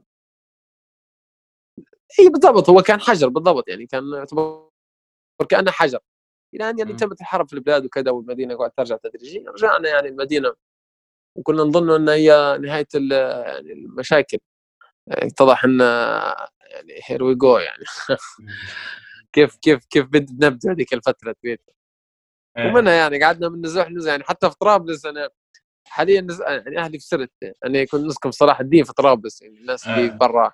طرابلس صلاح الدين هذه عبارة عن الآن فات خط النار يعني كنا إحنا في خط النار الآن خط النار فات صلاح الدين. يعني مناطق العمارات. تسجيلنا الأول أنا وياك ذاك اللي راح تقريبا آه، عام إلا شوية لي تقريبا و... وقتها كنتوا قاعدين في حوشكم يعني حتى لما جيت هنا قعدنا قعمزنا وتعشينا وبعدين وليت لي حوشكم قريب. شوف سبحان الله تو تسجيل من جديد وبعدين الزوز طالعين من ناحيتنا. اي ولو يريح لنا تسجيلنا بنقول هو كانت آه، حوش معتز كان قبل خط النار. إن شاء الله خير والله. إن شاء الله خير. باهي تو صلاح آه، نجول لموضوع ثاني يعني تو صلاح أنت تتكلم فينا من تركيا. من تركيا. عارف في تركيا هذيك زي ال- هالبلدين صحور قريب. آه الامساك قريب. على خاطر موضوع انتشار فيروس كورونا هذا. آه، صلاح آه، قبل إنك في تركيا كنت آه، في مالطا. ومن مالطا طلعت. منها جيت لتركيا ولا؟ بالضبط. مالطا أنت آخر مرة لما هدرزنا كنت آه، تاخذ في كورس إنجليزي. شنو شنو تهدرزنا عليك بسرعة؟ والله شوف أنا ولا بما أن خدمتك يعني بالإنجليزي نقولوا علاش قررت تاخذ كورس ثاني؟ علاش اللي كان ناقص؟ أنا طبعا زي ما حكيت إني نشتغل مع المنظمة الدولية للهجرة فتعاملنا يعني أغلبيتي يعني دائما بالإنجليزي وكذا فالمستوى بتاعي ما كنتش يعني راضي يعني عن المستوى الإنجليزي اللي عندي ف قديش ما كان كان وقت. لما درت الامتحان تو قديش قديش لقوه؟ آه، خشيت آه، لما جيت مالطا pre-intermediate آه. آه، لما في مالطا المستوى بتاعي بديت فيه pre-intermediate آه، اللي هو B 1 ولا B 2 التصنيف الأوروبي. والله ما نعرفش لكن هو تقريبا التصنيف اللي هو ال beginner بعدين elementary بعدين pre-intermediate بعدين intermediate التصنيف. الأوروبي هم ليهم فترة نقولوا بالشكل القانوني ما عادش يصنفوا فيهم زي تو يعني غير مجرد آه، اطلاع بس. لكن في تصنيفات ثانية يعني نقولوا الاي 1 والاي 2 والبي 1 والبي 2 اللي هو مثلا تقريبا البري اللي هو البي 1 والابر انترميديت اللي هو البي 2 وتقريبا تخش بعدين في ال C 1 وال C 2 اللي هم الواحد ال advanced. advanced مش عارف والله. فأنا الحق يعني ما كنت ما, ما كنتش راضي عن الموضوع وأيضا في ليبيا يعني مشاغل العمل كانت يعني تمنع أنني ناخذ يعني مثلا كورس قوي نفسي غادي يعني في ليبيا. آه وأنا already أصلا سجلت مرتين في كورس كنت حط فلوسي ما يصير شيء. يعني ما, ما قدرتش نلتزم. للمشاغل وأيضا اني ما مانيش الانسان اللي نقدر ننظم وقتي واجد. فقعدت نذكر سنة ونص ولا سنتين وأنا قررت ان أجل فيه ناجل فيه. إلى أن يعني حسمت روحي وكذا يعني آه، كنت ماشي لبريطانيا والله بس آه، الملكة كلمتني وقالت لي ما قالت لي your application has been rejected بارك الله فيك. ولا خلف الله عليك وإن شاء الله ينقطع نسلك علاش خير. ما عجبهاش الوضع ولا كيف ما اقتنعتش؟ ما ما ما اقتنعتش بال application بتاعي. يعني أنا والله. لو أنا لو يقولوا لي اقعد غادي مش حنقعد. يعني أنا لو يقولوا لي هم قالت لي الآن الظروف يجي يقول صلاح تعال اقعد مش إيه. حنقعد تصور يعني فعلى العموم آه، اخترت بعدها مالطا يعني جميلة مالطا وال recommendation أنا قوي وكذا فمشيت لمالطا وجميلة والحمد لله إني مشيت لمالطا يعني دولة ما كنتش بكتشفها قبل. لا جميل هلبة مالطا. يعني جميلة وشعبها جميل ثقافتها جميلة سياح من كل العالم. فأخذت يعني ثلاثة شهور آخر أسبوعين يعني آه، غمتنا ال- الحاجة كورونا. يعني عبارة عن عرفت المصارعه الحره ذيك لما الاندرتيجر يرفع المصارعه وينزل واحدة الأرض هذيك يعني إحنا كورونا شغلات قدرت إن نفس الشيء رفعتنا قالت هيك يعني سكرت كل شيء البلادات وسكرت تونس علينا يعني فيش ليبيا مالطا طبعا. ما يعني فكر خدت تونس. level غادي أنت كويس قريتها غادي. أي أنا كملت زوز مستويات لا pre-intermediate الله. وال intermediate يعني كملتها من مم. زوز آه. إيه آه، فالاثنين ياخذوا مني نتذكر كان 10 10 شهور خمسة شهور خمسة أسابيع خمس أسابيع واخر أسبوعين آه، فمشيتهم كانك يعني conversation بس يعني اللي هم كان اونلاين لأن سكرت المدرسة مم. إيه ف لما تسكرت علينا لما تسكرت آه، سكرت آه، طرق لليبيا. قلت يلا نجي على خلاص يعني بلاد سكرت قلت نجي على تركيا. هنا تركيا. يحكمنا تركيا. إيه قلت تركيا فيها خطوط مباشرة مش زي مالطا. آه. وغادي قالوا الدولة آه، يحطوك فجر فترة حجر صحي يعني 14 يوم وبعدها تمشي لليبيا. فجيت الحق يعني حتى أنا آه، يعني سافرت في آخر رحلة من ساعتها من مطار مالطا.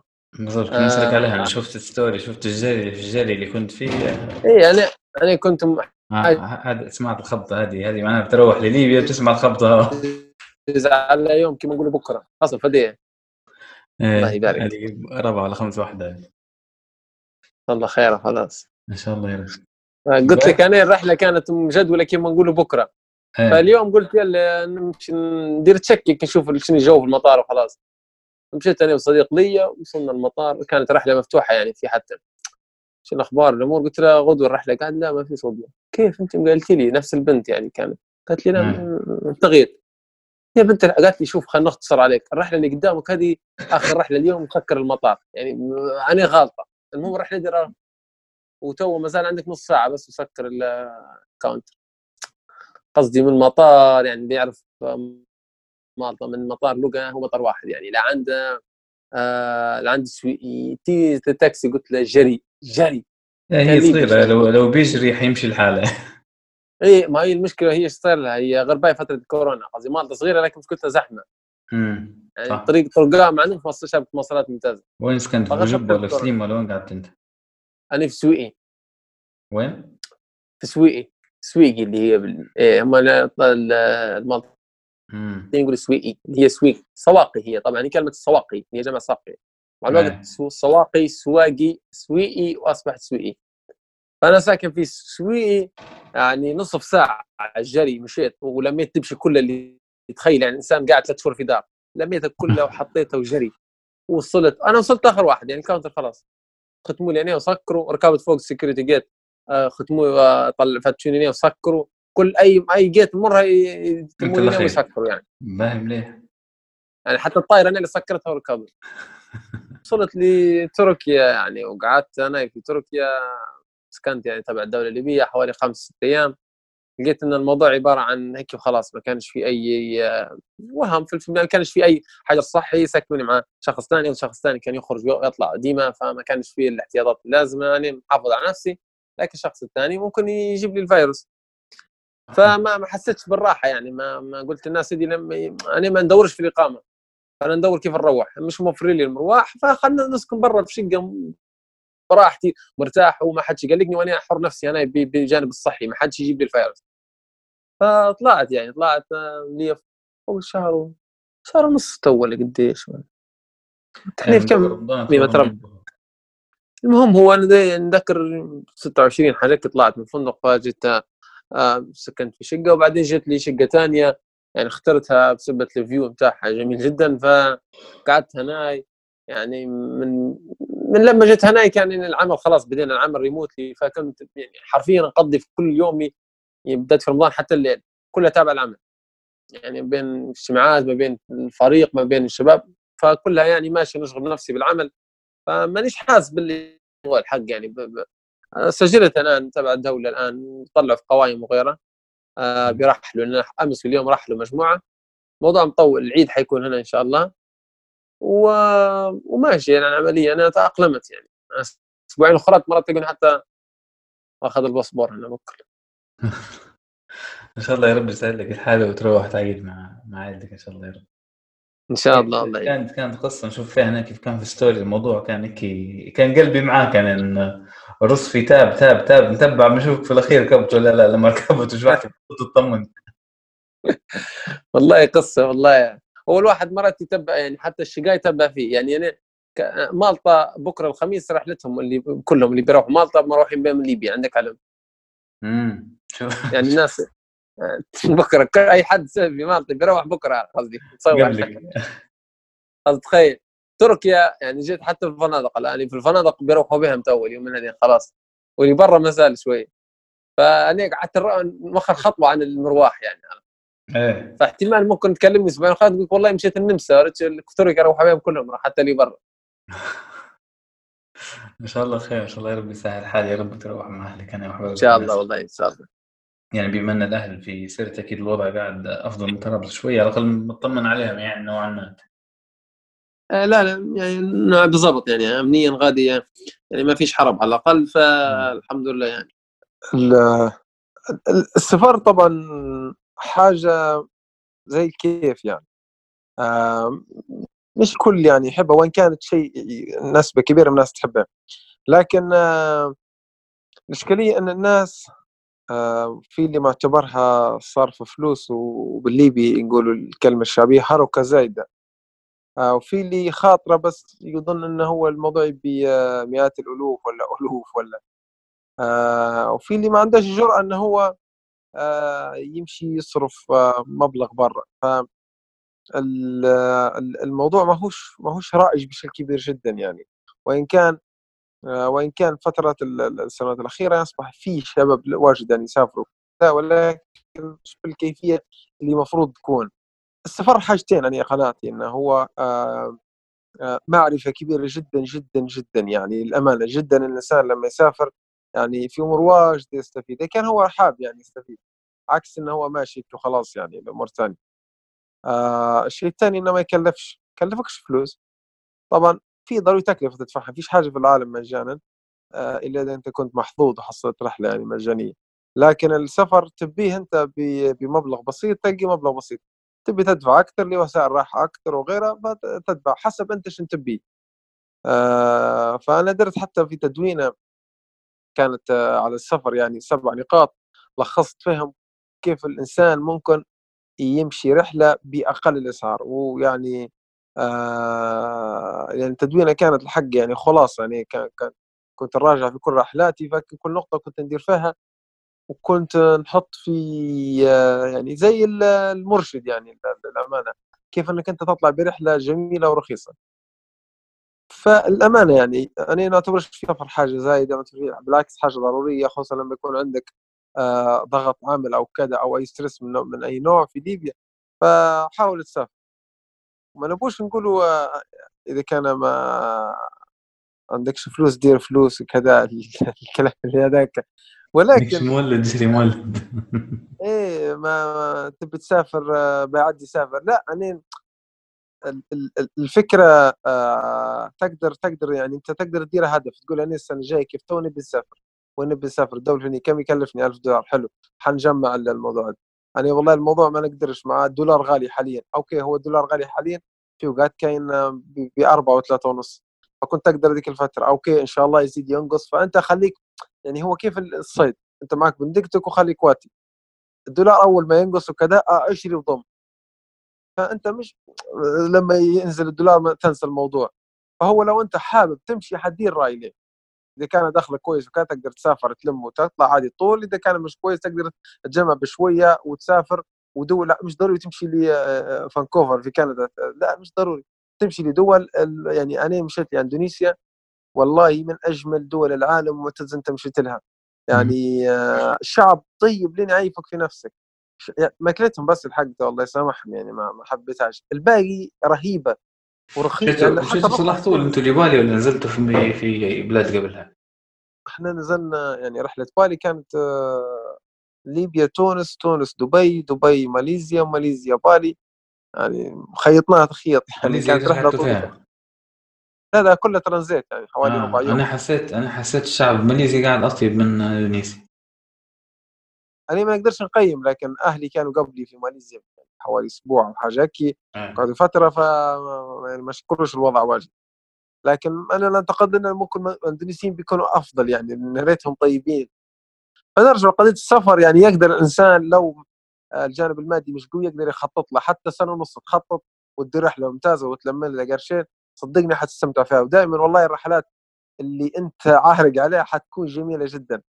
يعني اللي أنت مش حتصرف في مبالغ لا تبدأ تدور ها نمشي ال hostel ونمشي كذا. يعني يقول لك الفيزا. لا مش كل شيء فيزا معلش مش ضروري تمشي لكندا ولا لاوروبا يعني مثلا واحد من أشهر الرحاله العرب اسمه محمد السليني ليبي. جواز سفره ليبي أزرق زي نحن ما عنده جواز سفر ثاني. من أشهر ال YouTubers على ليبيا على على اليوتيوب. يقدم في فيديوهات رهيبة جدا يعني. أكيد الناس حتى اللي يسمعوني أكيد يعرفوه. محمد ما يعني حتى شنغن ما مش- ما ما مشاش. مشاش أمريكا مشاش كندا. يعني الدول اللي هي ال- ال- الصعبة هذه كل ما لكن يقدم في محتوى من دول أنت تقول وين جنوب شرق آسيا هذا جنة يعني مش مكتشفة. تدخل لاغلب اغلبيتها ب ب- بتاشيرات في المطار أو تاشيره سهلة جدا. أمريكا الجنوبية. تقدر تمشي يعني السفارات في تونس وتقدم. فالأمانة السفر راه مفيد جدا خصوصا الإنسان. يعني أعتقد لما حتى يكون عازب فممكن يكون أكثر آه، يعني حتى, حتى حرية ومرونة وممكن حتى الجانب المادي إذا كان مثلا مؤثر شوي ما يقدرش يوفر ف فيحتاج يعني ممكن آه، إنه يكون بروحه. فللأمانة يعني راهو السفر والله مفيد. أنا عن نفسي يعني نحاول كل فترة نسافر آه، ما نقصرش. نتخلص من ضغوط العمل وكذا لكن عندي فيه رغبة يعني.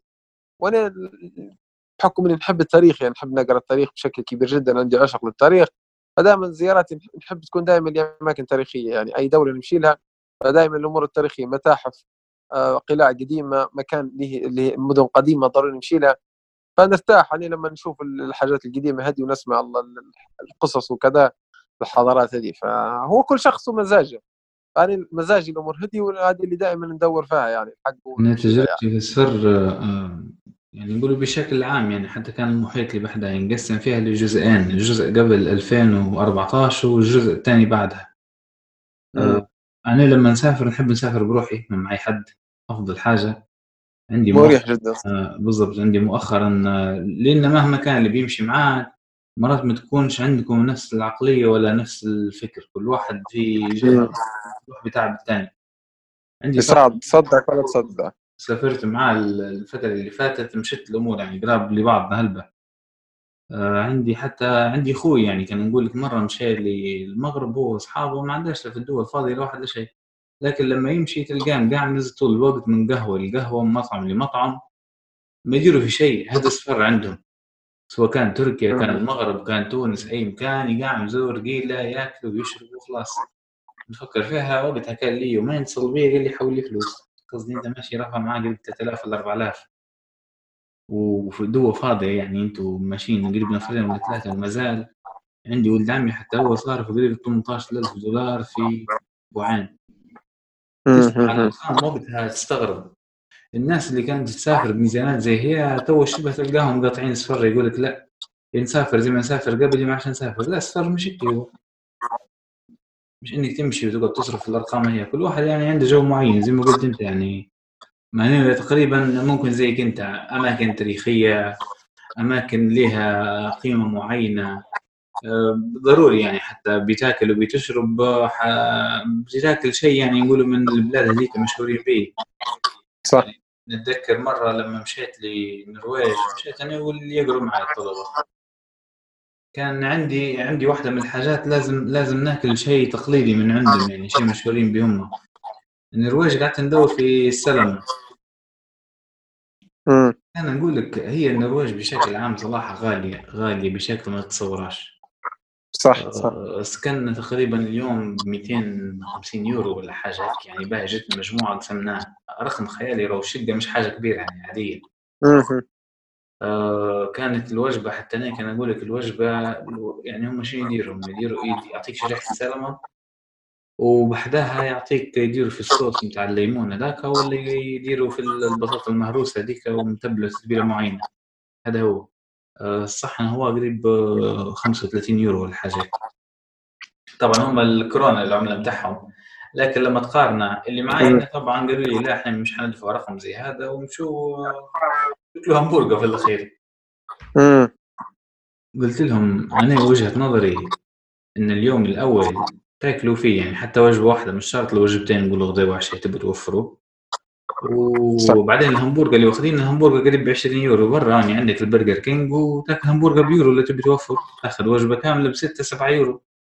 لكن ما تجيش تفوت حاجة تقليدية مثلا مشهورين بها هم وبعدين تاكل همبرجر ب 20 يورو. وفعلا أنا جربتها وكنت باهي اللي جربتها. تصدق إن بنة سلمون عندهم هم والسويد والدنمارك مش نفس الطعم اللي يوصلنا اللي يوصلنا مع التجميد وطول المدة. ماش ماش فريش. يجي طعمه خفيف. لكن هم اللي عندهم في حدة بشكل مش طبيعي. ما شاء الله. قوي قوي قوي. طعمته أنا ما تحملتهاش الحق. جربته عندهم توقعت نوع ثاني كان مختلف. جربته في السويد لما كنت في السويد. لقيتها نفس الطعم وسألت عليه قالوا لي لا هيك عندنا مش زي اللي يجيكم يعني حتى كانوا في من إسكندنافيا لما يمشي لأوروبا والبلدان هي يقولوا لي إحنا ما ناكلوش فيه غاديك لأنه مش نفس الطعم هو. مش فريش والتجميد هو اللي مغير له طعمه بينما إحنا يجينا هو هو اللي تعودنا عليه. الشاهد الموضوع والله واحد وعنده نمط معين يعني في السفر. صح؟ بالضبط. هو أكيد الناس تختلف بشكل عام فالسفر جزء من الاختلاف بتاع الشخصيات البشر يعني. بالضبط إيه. والحاجة من إيه، الحاجات اللي نشوف فيها أنا يعني يقولوا مثلا ممكن في ليبيا تذكرة غالية يعني زي ما قلت أنت يطلعوا لتونس ولا يطلعوا لتركيا تركيا ممكن. فيها الخطوط الجوية بتاع ال low cost عندهم البيجاسوس وحاجات ثانية غيرها. ممكن عن طريقها هي يحددوا وجهات ثانية وديما مثلا نقولوا لو من تركيا وتطلع لمكان ثاني التذكره مش حتجيك غاليه يعني كنت أنا لما نمشي إيطاليا آه، تكون تذكره 50 يورو ذهبيه مرات. بطريقه البيجاسوس هذه وفي العادة هي الرحلات الرخيصة ما تكونش في المطارات الرئيسية ولا مشهورة. الشيء الثاني في في السفر اللي كسر الظهر ديما السكن. يعني في ناس تبي فنادق. يمشي يسكن في hostel تعلم شوف سكن hostel ولا Airbnb وكذا. بالضبط. زي ما قلت أنت يعني لما يبدأ بدات ولد وعازب ولا بنت وهيك قاعد الموضوع أسهل من إنها تكون متجوز وعيلة وتفكر فيها وكيف بتسكن وكيف بتصير والموضوع. صح. صح بالضبط. فالناس بتستغل الفرصة دي المفروض هذا ما يمنعش إن إحنا يعني حتى الإنسان لما يتزوج يطلع وكذا بالعكس يعني الإنسان آه مفترض يعني حتى بعد يتزوج الإنسان يطلع. لكن أحكي لك في شيء أخف في شيء يعني مثلا ترتيبات يعني محتاج نرتب يوم لا ما تزوج محتاج ترتب يومين قدام. فهي الفقر فكرة أكثر ترتيبات يعني مش إنك أنت يعني بتتزوج مع لا عادي تتزوج وتسافر وتطلع وعادي كل سنة مش قضية. لكن الترتيبات فقط تزيد يعني بعدين يعني أكثر من الأول بس. إيه, إيه، مرات مرات أنت تلاحظها صراحة مرات ما نعرفش تو أنا مرات يعني حتى لما نسافر ندير في ندير في ال... يعني مثلا نقول لما بتاخذ التذكرة اونلاين ولا حاجة ندير في مم. التأخيرة من بعد وقت الهبوط ندير في ساعة تقريبا حاجة هيك كان مطار ما نعرفاش ونرتب اللي بعدها لأن مرات ترتيب غلطة بسيطة يعني في الوقت تضيع عليك اليوم. يعني أنت مرات تبدأ عابي على نص يوم بتوصل بيه في وسط المدينة تلقى مثلا القطار ولا الباص ولا أي شيء اللي بيرفعك لل center. تلقاه فاتك بتسكن جهة المطار ولا كان بتاخذ تاكسي التاكسيات في أوروبا غاليات بشكل ما تصوراش. تلقى روحك جزء كبير من ميزانيتك صرفته في التاكسي و... وراح عليك اليوم هذاك. تسكن في إيه، هو فندق تو- وتاكل في الفندق وخلاص مشي. ضروري الواحد يرتب إيه، على كل التفاصيل هي. هي تصير. أنا في مرات تبدا يعني نقعد في مدينة نقعد فيها ثلاث أيام.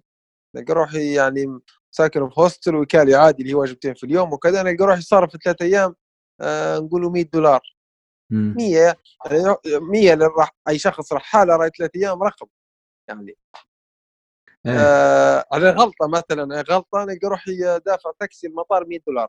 صح صح. يعني غلطة تلقى روحك دافع. فهي فعلا يعني قضية المواصلات هذه صارت لي أكثر مرة. يعني دفعت أرقام بايخة شوية في التاكسيات وكذا.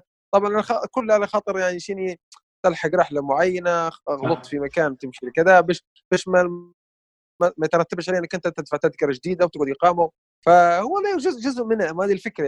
منها يعني بالضبط. بالتجربة، بالضبط. في ليبيا ما عندناش مواصلات عامة قطارات يعني أنت برا حتلاقي قطارات وتكت وأنواع تكت وانزل من وحدة وخش من فهو هذا كله بتجربة برا. صح. توني مثلا إيه، تو ف- نقول مثلا آه، نشوف فيها في البلدان اللي تبدأ ما تعرفهاش حاول تمشي للمطار حتى قبلها بأربع خمس ساعات تعرف شو يصير في الطريق. يعني تو مثلا على سبيل المثال نعطيك مثلا تو إيطاليا. إيطاليا لما نجي نوصل لروما بنركب ال- القطار تقريبا بحوالي 16 ولا 18 يورو بيحطك في المطار. بينما الباص في المشي رخيص تحصله تحصله حتى ب 3 يورو و70 سنت. وفي الجبال من المطار يبدأ من 5 يورو طالع بين 5 و 8 ناخذ في ناخذ في الباص يعني مرات نركب في متاع الخمسة مرات نركب في متاع 3 و75 سنت. كل مرة اللي نلقاه قدامي من هنا. مرة من المرات حتى هي كويس إني طالع قبل حوالي بأربع ساعات. إحنا ماشيين كان في حادث سريع. يعني تخيل انه كان الباص باش يوصل للمطار يبي حوالي 45 دقيقه خديه حوالي ساعتين ونص وباهي اللي أنا ماشي بكري. وهذه قضية المواصلات يعني جزء جميل جدا من الرحله يعني صح؟ تعطيك على ظهرك.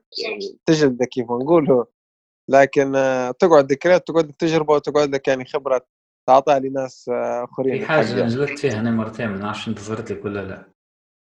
طبعا نتكلم عن تجربتي في أوروبا. أوروبا تقريبا شبه عندهم القانون بشكل عام. أي واحد من وين ما ياخذ التاكسي كل مطار له تسعيرة. يعني ما فيش عداد. في أنت من المكان اللي وقفته فيه المطار كذا كذا يقول لك على سبيل المثال مثلا هذا 40 يورو هذا يقولوا مثلا 80 يورو. صارت لي مرتين كنت مستعجل ركبت معاهم وفتح لي العداد. واحدة منهم كانوا معي العائلة في ميلانو. وكنا مأجرين سيارة وراكبين كلهم ومعاش في مكان. وقبلها معي نسيبي قعدت نقول له باهي نمشوا نمشوا اليوم اللي قبله. نحطوهم في المطار. في الأمانات ونخلص عليهم الشنطة خمسة يورو وتاني يوم نركبوا يعني خفاف في السيارة ونمشي نسلم السيارة في المطار ونمشي. مشيت تنبل يعني المطار قريب 45 دقيقة قال لي لا لا فوت تو مم. تاني يوم رقدنا وخذينا نومة وما بين وقت روح من البنات والدنيا لقينا روحنا معطلين طلعنا ماشي فضل وقت هلبة خذينا تاكسي ركب ولد أختي معاه حطه في المطار وفتح العداد بما إني كنت نسوق هو ركب معاه وأبوه أعطاه الفلوس. يا صلاح 120 يورو. التوصيل توصيلته هو والشناط يعني شفت الرقم؟ بينما في القانون 55 يورو. عرفني إني نتكلم هو هو صغير ما يتكلمش. وعارف. أنه هو شبحنا مدينا له الفلوس ومشي بيه المطار. حتى غاديكاي جينا لقيناه يستنى فيه و... وأنا غلطي ما قلتلاش عرفت كيف ولا؟ جلده ب 120 يورو يعني حوالي فرق قريب 70 يورو ولا 60 يورو تانية هي هذه الفكرة إذا لما تلقى روحك ضيق عليك الوقت أنك أنت بالضبط. حتصير لك جلدة المواصلات هذه يعني ولا بد بالضبط Your attention, please. Please do not smoke in the terminal building. Smoking is only permitted in the specified smoking areas. صلاح آه، باقي you. نخش في جزئية جديدة مثلا على رحلاتك ولا السفر متاعك كجانب غير جانب الرحالة اللي تكلمنا فيه في الأول يعني تجاربك الشخصية بروحك أنت كيف كانت؟ وين مشيت؟ وشن هي الأماكن اللي مخلي أثر في نفسك؟ أنا زي, زي ما حكيت طبعا يعني من 98 انتسبت للكشافه و- وغالبا كما تعرف الناس يعني الكشاف أو ال- الهوية بتاعتهم الترحال انزرعت في قضية الترحال كل الكشافه اللي في ليبيا سواء خارج ليبيا. آه فالحق يعني كان عندي شغف كبير جدا يعني بقضيه السفر وكذا. آه ولكن يعني الإنسان ما دام مربوط دائما بقراية وكذا فما نتفكرش إني كنت يعني رحال. آه، قبل 2015 16 يعني تقدر تقول. قبل كنت أنا طلعت يعني مع مع الكشاف. مثلا آه، مشينا لكذا دولة وفي ليبيا دي الحمد لله يعني ما خيطناها شبر شبر يعني ليبيا الحمد لله إلا مدينه الكفرة بس. الباقي يعني حرفيا شبر شبر بيت بيت زنقة زنقة يعني. ما خليتش فيها مكان. فضل الكشاف يعني. آه. آه، ولكن الترحال اللي برا هذا يعني حتى مهم جدا جدا. لأن ليبيا مهما تمشي في الأخير آه، اللي في غات نفس اللي في طبرق يعني. طاسة المكياطة وخبزة الجمر والبازين فالثقافه ما هيش مش مش متعددة وإن كانت تخ- تختلف ولكن مش مش هذيك الاختلاف. برا حتختلف معاه يعني إحنا بالذات في ليبيا يا معتز بصراحة ما عندناش ثقافة السفر. يعني ما هيش ما هيش متداوله يعني السفر من الترف يعني. بدليل الآن حتى لما إحنا عايقين في تركيا الناس تشوفها على الفيسبوك والله هذيما اللي يطلعوا برا هذيما اللي ها يسافروا وش نفعهم؟ وكأن السفر هذا يعني حاجة ما كمالية حاجة ما, ما هي عادي هي حاجة حاجة كما نقول يعني حاجة من احتياج زي ما الإنسان عنده رغبة معينة يطلع للبر عنده رغبة يمشي لشرشاره في هنا يصيف في تجوره في في أي مكان ففي اللي يحب يطلع برا يلم قرشين ويطلع. يلم قرشين ويطلع مش بس حتى إنه غير متعة وكذا يعني يتعرف على ثقافات. وتلاقي دائما يا معتز يعني لو نسألك أنت نقول لك معتز تقول يعني والله يعني أنا نحب ال- ال- الجانب كذا في السفر. يعني مثلا نسوين غالبا يعني غال- غالب عليها المولات وغير. يعني مستحيل تمشي مرة لرحله ما تتسوقش كذا. مهم. واحد مستحيل أن اتسوق في يعني في في في سفر. يعني ما ما ندخل مرات يعني نادر جدا ندخل سوق كذا لكن ما قصدي مانيش مانيش شراي يعني في مانيش عندي جو فيه. فأني الجو بتاعي تاريخ. تاريخ يا معتز. نحب يعني جدا نحب نسكن في مكان قديم. نحب آه، لما نمشي يعني نشوف ال- ال- الأسوار القديمة قلاع نسمع قصة مبنى حيط بلوك آه، آه، عمود نور قديم مثلا بتاع شمع آه، غالي علي جدا يعني. ما نعرفش لكن لما مثلا نوقف قدام مكان قديم بالذات الأسوار. يعني الأسوار القديمة هي اللي عندي رهبة شوية. مانيش عارف نبدأ والله مباشرة يعني تصير لي حتى في في داخل ليبيا في لبده وغيرها.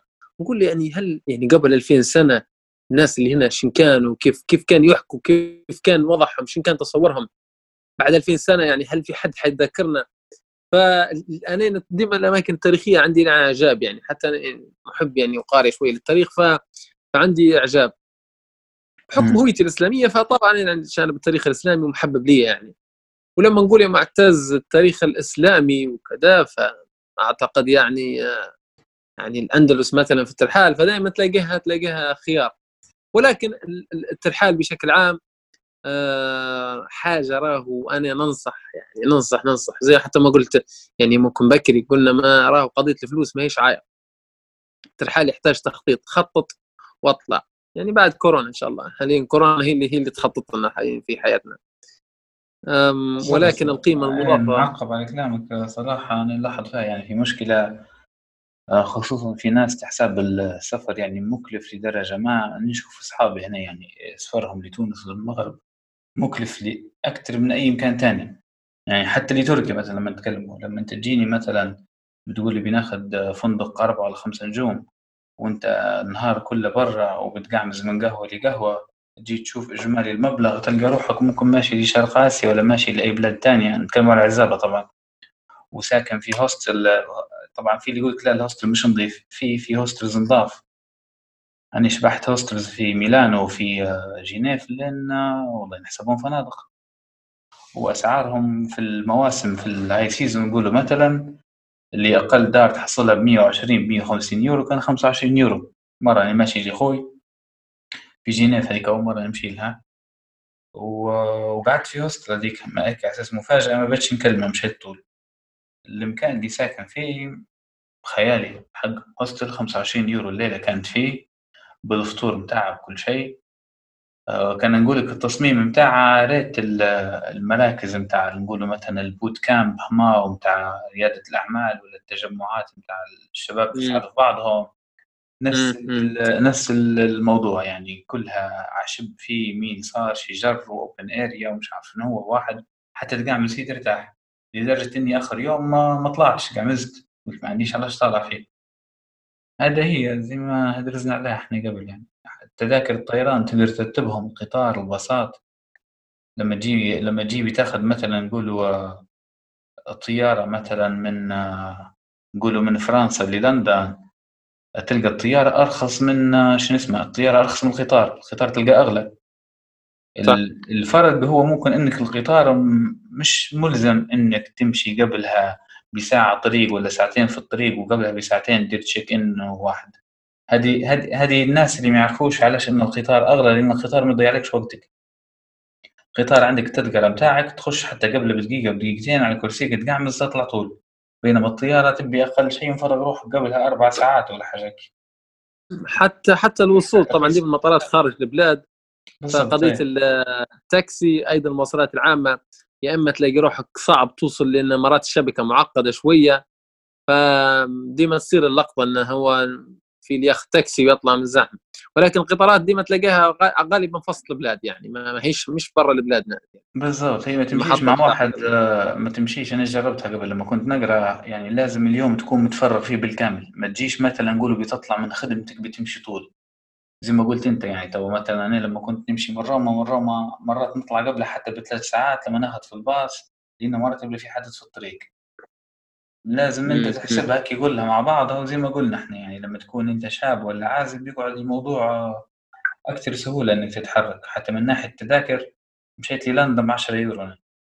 مشيت لي آه، مشيت لي وين مشيت فكر فيها وقتها كانت كيف بداية موسم لهولندا كانت كانت الشنطة الوزن اللي بتركبه تركبا وهم تفوتش dimension معين مشي وذهاب وإياب آه، خديتها من روما لأمستردام تقريبا ال total متاعها 50 يورو ولا حاجة هيك. في زي ما قلت هو شوف آه أنا أنا مرة لقيت تذكرة ما نعرفش طبعا الناس هل هل يعني هل في حد بيصدق ولا لا لكن أنا يعني أنا أعرف نفسي صادق. آه كانت من جنوب فرنسا ما ما عادش يحضرني بالضبط آه، شو المدينة. كانت من جنوب فرنسا اللي هي بعد الجبال اللي هي شمال آه، إسبانيا إلى غاية آه، مالاغا يعني في الجنوب. فطبعا المسافة كبيرة جدا لكن تخيل من من أقصى شمال إسبانيا يعني ما بعد شمال إسبانيا إلى أقصى جنوب إسبانيا.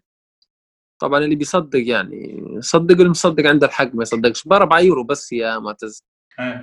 والله 4 يورو نحكوا عن مسافة مش أقل من طرابلس الكفرة. نحكوا عن مسافة مش أقل من طرابلس الكفرة. ب 4 يورو قصدي آه، في حاجات مرات ما تقولهاش ديما لكن أنا مضطر نقولها. ب 4 يورو علي يعني. لا هي هي هي هي تمام. هي اللي يخليك تصدقها. صلاح آه، آه، لأن لها شروطها عرفت كيف ولا؟ الغلطة بورطة. يعني أنا صارت معي تو تدرسيها أنت توا زمان أول بالضبط. أول. مرة نركب في Ryanair هذيك في حياتي. كان. لازم إيه لازم تطبع ال boarding pass تجيبيها في إيدك. عمري كله البوردنج باس أقل شيء دير check in يعني تو حاليا حتى توا ولا. تشيكن زمان ما كانش فيه كان فيه ال boarding pass عرفت كيف؟ ولا توا check-in يعفيك من كل شيء. وحتى توا حاليا لو check-in ما تديرهاش قبل مش عارف شنو راهو يغرموك. يعطيك. هو ال Ryanair Ryanair ضروري قبله بساعتين. أنا صارت لي يعني إيه. تو قبله بساعتين. يعني تذكرة. ممكن تلقاها 15 يورو. غلطت أنت ما أو ما تعرفش ال rules نتاعها تجي توصل ماكش مداير check-in تمام. 50 يورو وأنت تضحك. بالضبط هي اللي لي تضحك. إيه إيه إيه. ما ما طلعتش أي ال boarding شوف pass طبعاً. جيت وقفت إشكالية. قال لي كيف؟ نفس اللقطة 50 يورو دفعتها يزيد يشوف الشنطة الحجم نتاعها تدفع. العمق. لو فتت تدفع آه، لو الوزن فات تدفع. فلهذا هم يحاولوا يعني تو هم نقولوا مثلا متعودين آه، على التفاصيل هذه في السفر واحد الاوروب وغالطين نقولوا مثلا مش حتى متعودين. وفي حاجة ثانية إحنا الشروط ما نقروش فيها. الشروط نتاع التذكرة ما تدير هذيك تدير عليها موافق. ديما ما نقروش فيها نفوتوا فيها هذيك. هذيك هي اللي فيها كل شيء. هذيك اللي فيها كل شيء. زي ما قلت هو في- طبعا في حتى راه بيورو الأضمن صلاح ديما- مرة. في حتى البساط. مم. باص مرة من من روما لفينيسيا. آه، أكيد مرت عليك أنت في أوروبا آه، شنو اسمها الشركة هي؟ FlixBus. FlixBus. بالضبط. في بدايتها كانوا كانوا مديرين لقطة ذكية إن هم شبه اللي تو آه، يعني يعتبروا ريت قصة Uber تو نقولوا مثلا آه، إن ما عندهمش سيارات وال Airbnb ما عندهمش. ما عندهمش هوتيلات وجهالة مم. آه كنت نهدرز مع باص غاديكا استغربت شيء قلت له قلت له الباص قريب فاتني غريب الباص مش أخضر هذا وعلاش واحد مش قال لي إحنا عقدنا معاهم جديد ومش ضامنين انه يقعد ولا لا. قلت له عقد شنو قال لي عقدنا مع FlixBus قلت له مش مش هم اللي يملكوا في الواحد قال لي لا ما يملكوش. يتفقوا. هم هم يديروا استراتيجية الخطوط. الباص. يطلع هنا. ويوقف هنا يعني فكرة. Uber بالضبط. وهم يسوقوا هذا إيش؟ عندهم انتشار كبير طبعا. بالضبط. الفترة ذاك في بدايتهم هم كانوا 2014 2015 تقريبا كانت البداية. كان جزء كبير من تكاليف الدعاية داعمين بأسعار التذاكر. قلت لك لدرجة أن تذكرة من روما لفينيسيا بيورو. راهو نتكلموا على مشوار رحلة بالباص حوالي 8 ساعات ولا 9 بالسيارة سامحني. حشم تمد اليورو أنت. وبالباص يكون أكثر. لا ما في ما فيش مدان كله أونلاين ما يشوفوش وجهك. كله أونلاين كله أونلاين يصير.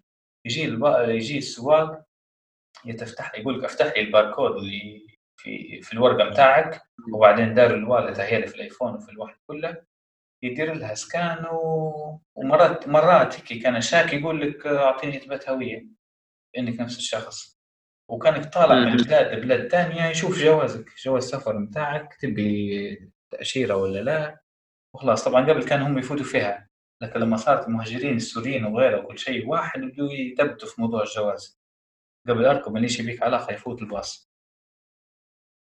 يعني تخيل كيف الموضوع سهل يعني كيف كيف وش منظومه. منظومه المواصلات في في أوروبا يعني متقدمة جدا للأمانة يعني.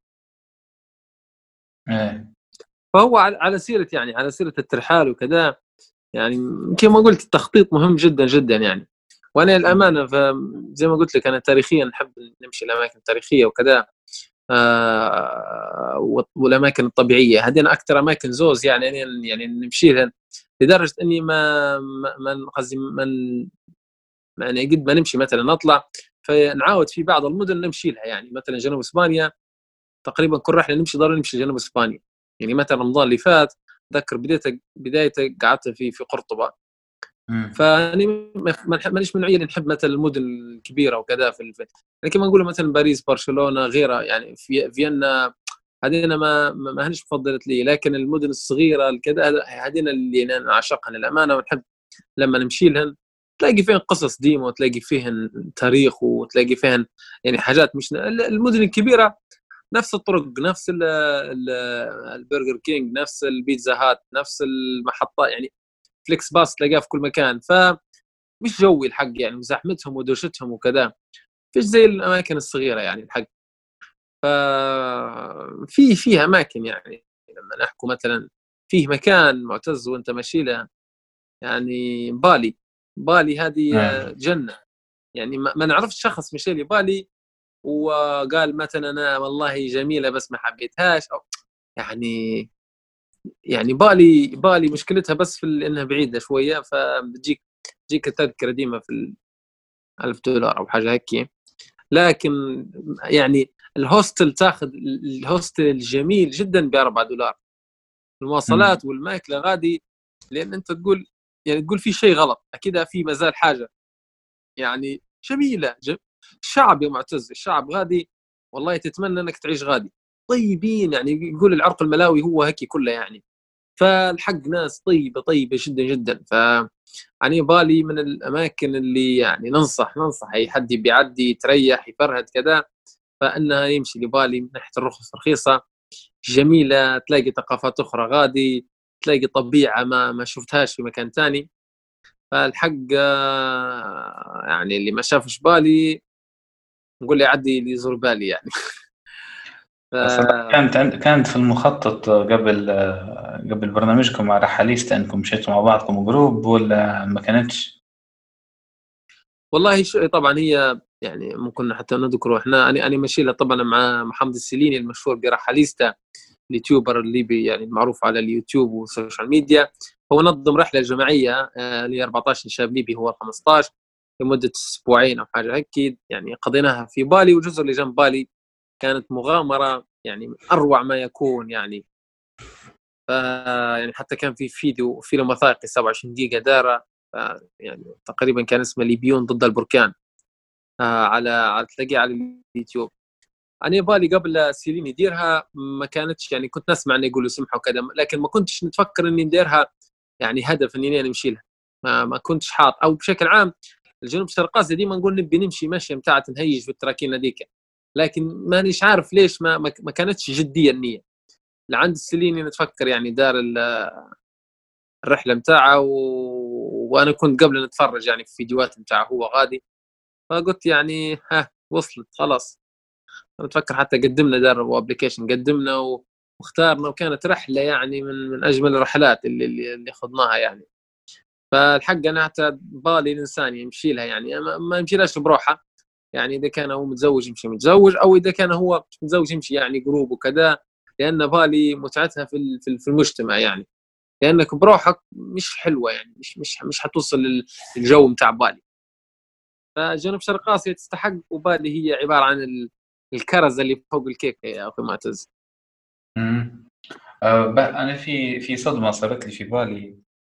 آه بالي بالي يعني في بالي يعني بالي شنو هي؟ يعني جزيرة بنمشي وخلاص لكن لما وصلت غادي لقيت بالي مقسومة. قعدت مصدوم يعني. الجانب التاريخي اللي هو اللي هو جاي في وسط بالي وبحدها خول الرز وبحدها المعابد وبحدها كل شيء. والجانب الثاني بتاع سمنياك جهة البحر والجانب. الثاني اللي مم. لوطة اللي جاي حتى يعني جهة البحر سمنياك كيف فيها حتى مباني حديثة وكافيات جديدة وانترناشونال وحاجة هي وفي الجانب الثاني اللي بتاع. المنتجعات اللي جهة ال- المطار حتى ذاك قعد متلخبط عرفت أما الحق آه، وقتها أنا ما, ما نبي نمشي لبالي لكن ما درتش هذاك البحث لكن مش من عاداتي مع الحرب ومع الدنيا عالق ودور إيجار حوش ومش عارف شنو هو هنا وياماتنا محندلات يعني في الأخير يعني قلت هي جزيرة يعني شو بتكون ما فيهاش ما فيهاش هذاك الفرق عرفت كيف ولا؟ لكن لما وصلت غريكا انصدمت أنا. لقيت إنها صح. كلها مش زي بعضها وتختلف وضروري إنك إنك تشوف آه، الأماكن. يعني على اليسار هذيك جهة كوتا وسمنياك وغيرها والوسط كيف. طبعا أوبود من أجمل الأماكن اللي تقدر تشوفها في حياتك. mon- monkey forest غادي إيه monkey forest غادي عندي مشكلة مع ال monkey يعني حاجة حادث متلازمة من اللي أنا صغير لحقتني. زمان وأنا صغير آه،. خشيت الورشة مع أبوي الله يرحمه أنا وأخوي الثاني وصاحب الورشة مربي قرد حشاك. والقرد مم. مربي قطاطيس صغيرين. يبارك وقفت أنا واخوي حتى نقول يا أخوي أنا لهيها وأنت خذ واحد من القطاطيس الصغار.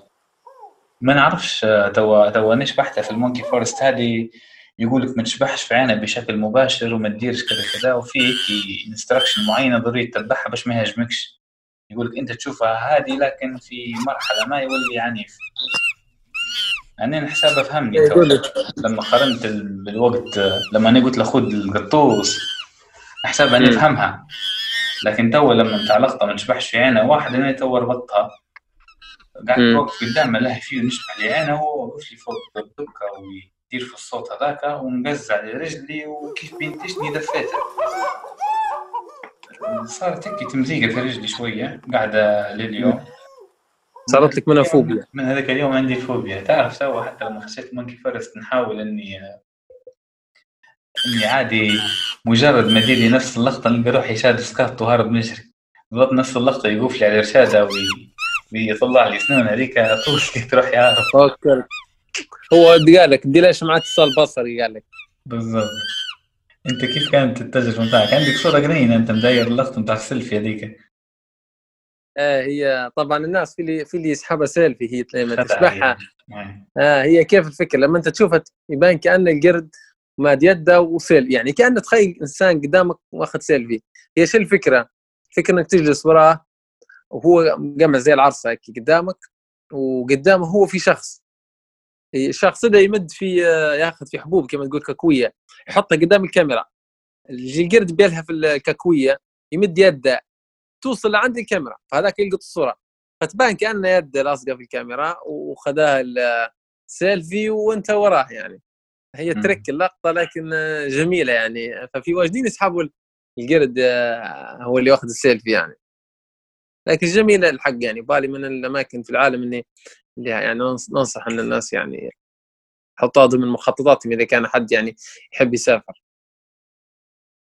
شن شن الأماكن الثانية اللي مشيتوا لها صراحة؟ شن درتوا وين مشيتوا وشن اعطيني تفاصيل أكثر على رحلتكم؟ يعني بما أنها كانت شبابية بامتياز ما فيش معك عيلة؟ أكيد كانت عندكم حرية لهالإمكانات. والله شوف هو طبعا مش حنحكي عن كل شيء لأن يعني في أمور ممكن مش ما تهتم. يعني مثلا زيارات الغابات وكذا يعني ما هيش حاجة ممكن مميزة وكذا يعني حتى المجتمع. ولكن الأكثر شيء مميز يعني اللي هو في الرحلة هذه وننصح كل حد دائما هو كل رحله المفروض الإنسان يدير يحط في حاجة هيك ما تنساش. فيه فيه جبل جبل رنجاني اسمه جبل بركاني. يقع في جزيرة آه، لومبوك. جزيرة اسمها لومبوك. الجبل هذا جبل يعني نشط بركاني آه، اسمه رنجاني. يعني ارتفاعه حوالي 3000 وكسر حاجة هيك طبعا غابة هو غابات عبارة عن غابات خبدوا جدا. كمل عادي. آه ربي يحميكم إن شاء الله إن شاء الله يرضى. فقلت لك ال- ال- الجبل طبعا عبارة عن غابات جدا السطح بتاعه وارتفاعه 3000 متر وكسر طبعا لما تركب فوق خلاص يعني عادش يولي عادش يولي حتى ما عادش في شجر حكم العوامل التالية سحاب طبعا فوق فإحنا يعني كانت المهمة إن إحنا نركبوا للجبل هذا يعني. فيعني تتصور لم الموضوع يعني لما تشوفه مش كيف لما تعيشه أنا نحكي لك من اول من أول نذكر 10% من ال من ال يعني من تفكر 10% بس من المسافة طحنا على وجوهنا. تصور. لما أنت يعني تصور إنه تركب بس يعني تركب يعني م- 10% تطيح على وجهك طبعا من الرطوبه وغيرها وانت عندك شوية يعني حتى ال- ال- المصادر عندك الموارد محدودة مية وغيرها وكذا بالضبط مش ترزنش على عالية وكذا. تصور ان انت يعني ملزم إنك أنت تتسلق أكثر من 8 ساعات باش توصل للقمة. ولما نقول تتسلق طبعا يعني غابات كثيفة يعني أنت ماهوش طريق كذا يدرج لا عبارة عن غابات مسارات. دايرينها الناس يعني كيف لما الناس تمشي في الحديقة كونه مسار. لكن المسار ده عبارة عن حاجة مايلة يعني تخيل 3000 يعني 3 كيلو فوق. والناس دي كيف بتمشي فيها أنت؟ وأنت حتمشي مش 3 كيلو متعرجة وكذا. قصدي العضلات بتاعك الالياف في العضلات تت- تتمزق يعني قاسي ال- ال- التمرين كان لدرجة. فكنا الحق يعني يعني طحنا على وجوهنا. أنا اتفكر لما وصلت يعني حوالي 80% نتفكر فيها اللقطة لتوا يعني طبعا توصل اللقطة اللي هي لما توصل قريب فوق الثلث الأخير خلاص الشجر يبدأ شوي شوي بعدين يختفي تبدأ الشمس تضرب فيك.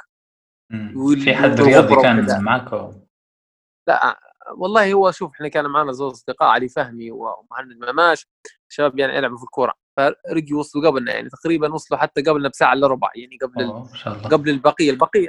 إيه فالبقية وصلوا طبعا بتأخير ولكن مش جروب واحد إحنا لأن إحنا خلاص تفرقنا يعني أول ممكن ساعة بعدين قعدنا متفرقين يعني مشيناش جميع.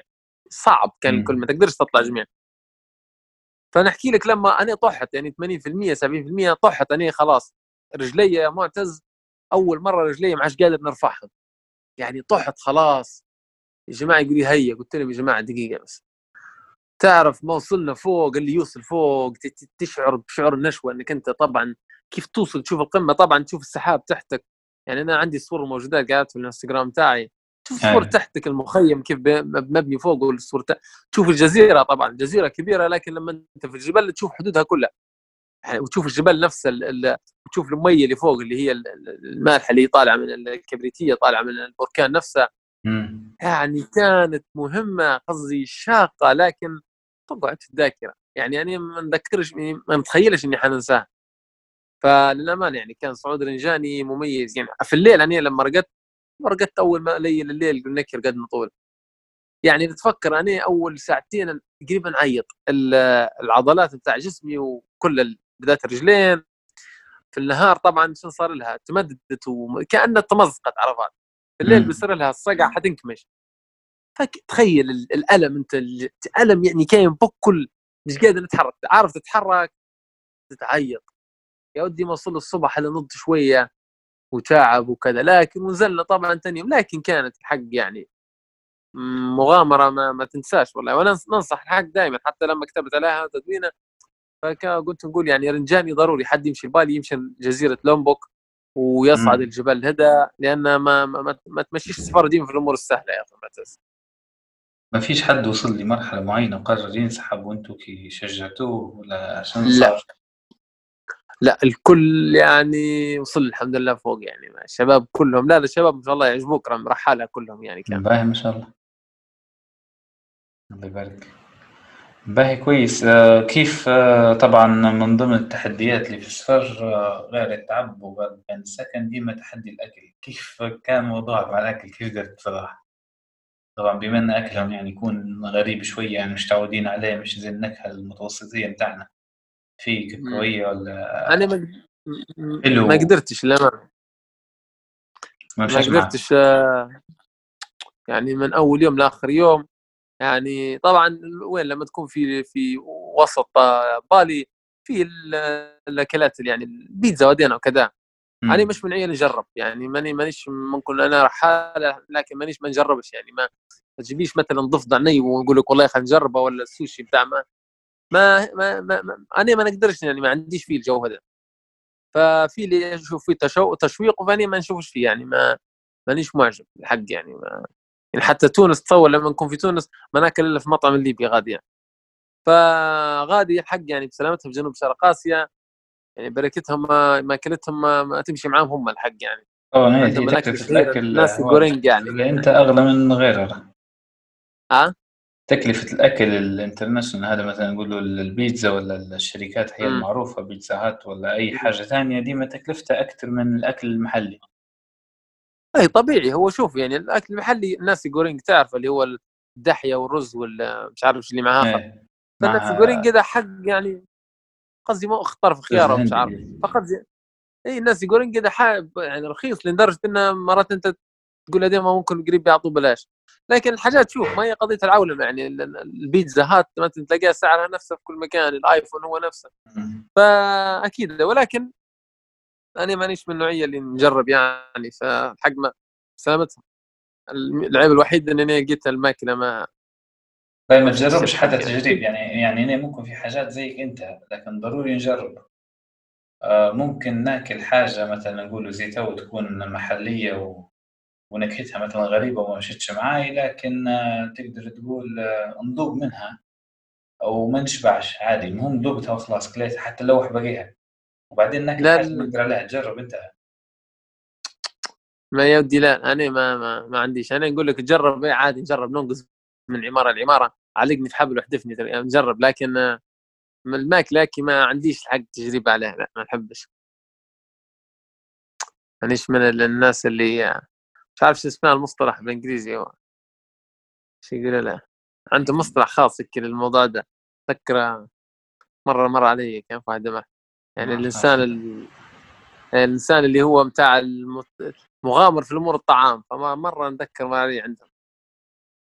عربيا ما فيش مثلا مصطلح مخصص. طلياني يقول لك كورجوزا يعني بمعنى كوراجو س- جاية من هاي معنى. واحد هيك يبدأ. إيه شو- شجاعة عرفت كيف ولا يجرب إيه، هاي يعني. هايشه كورج بالليل هايشه بالليبي.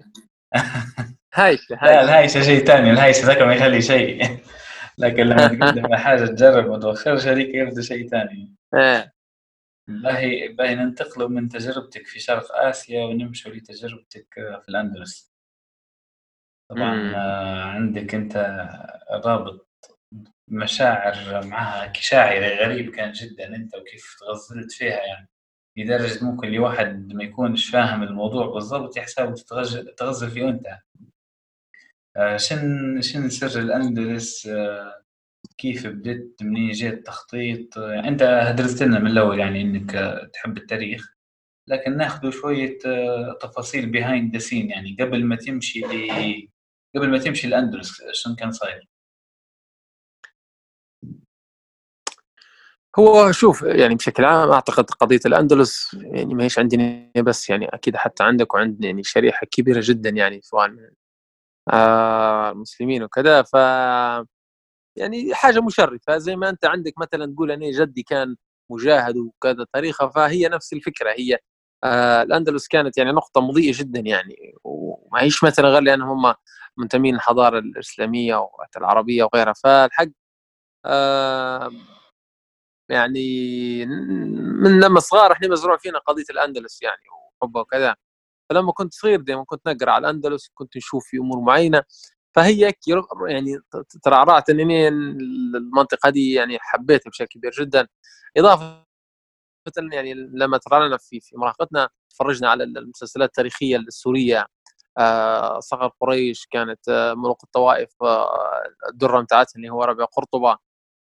ف يعني كانت ال ال الرسائل اللي تجينا من الأندلس كانت حاجة عظيمة جدا. فلما تقارنوها بالوضع الحالي بتاعنا فيصير حنين البقعه ديك. فإضافة ان إسبانيا من الدول السياحية الجميلة يعني مثلا ما نقولوش الأندلس جاية في في أرض مثلا دولة شعبهم مش فرندلي لا إسبانيا جميلة جدا. فهو تلاقي الماضي بتاعنا إحنا مع حاضر بتاعهم ف منطقة محببة. فأنا من لما صغير خاطري كنت يعني هيك عندي حلم إني نزور الأندلس لدرجة إني آه إني حلمت بها مرتين. أنا يعني حلمت بإني واقف. طبعا المشهد اللي دائما نحبه اللي هو مسجد قرطبة الجامع. يعني أحد أشهر ال ال يعني ممكن ثاني تقريبا أشهر معلم في الأندلس الأول اللي هو قصر الحمراء غرناطة الثاني المسجد الجامع قرطبة آه حاليا يقول له مسكيتة قرطبة. آه لأنه مسجد كاتدرائيه قرطبة حاليا.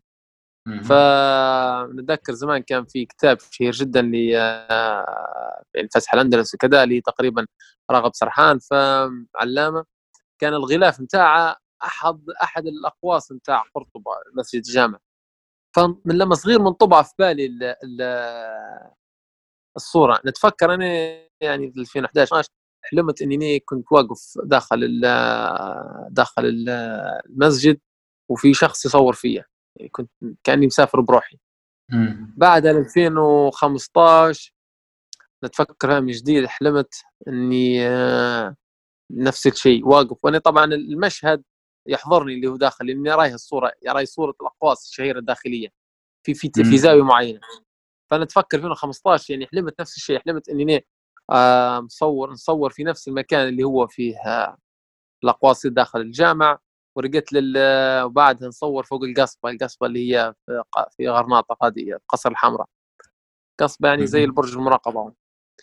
آه فنذكر يعني حتى 2015 درتها درت منشور على الفيسبوك كتبت آه كتبت انني اليوم حلمت انني زرت قرطبة. فإن شاء الله نبي نزورها نمشي نزور قرطبة ونصور في ال في ال في ال في المسجد قرطبة ونحضر مباراة لبرشلونة وفيها ميسي. برا يا زمان تعال يا زمان 2018 آه 2018 تقريبا شهر واحد إيه؟ شهر واحد 2018 آه في شهر واحد كنت في برشلونة حضرت مباراة يعني كان فيها ميسي أول مرة نحضر يعني أنا مشجعين ميسي. بعدها مشيت لقرطبة وصورت داخل المكان بالضبط يعني بالضبط داخل المكان اللي أنا حلمت به وبعدها نزلت في القرناطه وزرت قصر الحمراء وركبت لي القصبه وأنا كنت مصبي. ويعني والجميل انه حتى الحلم لاني كنت يعني أنا ما نسافرش كنت زمان بروحي ديما كشاف وغيره فلما حلمت حلمت كاني بروحي. فعلا لما سافرت الأندلس أول مرة وكل المرات يعني كلها كنت يعني نمشي بروحي لأن من الناس اللي نحب نسافر بروحي. فنتفكر 2019 جاني on this day يعني بتاع 2000 آه، اللي هو متاع في مثل هذا اليوم في 2015 كتبت. إني حلم. قدرت نذكر share كتبت الحمد لله العام الماضي. يعني حضرت مباراة برشلونة ميسي وزرت القصبة وصورت في نفس المكان اللي كان حلمت به يعني. فكان أيه. الموضوع شاعري جدا جدا يعني. زيارة ال- ال- الأندلس يعني كانت من من من الحاجات الجميلة.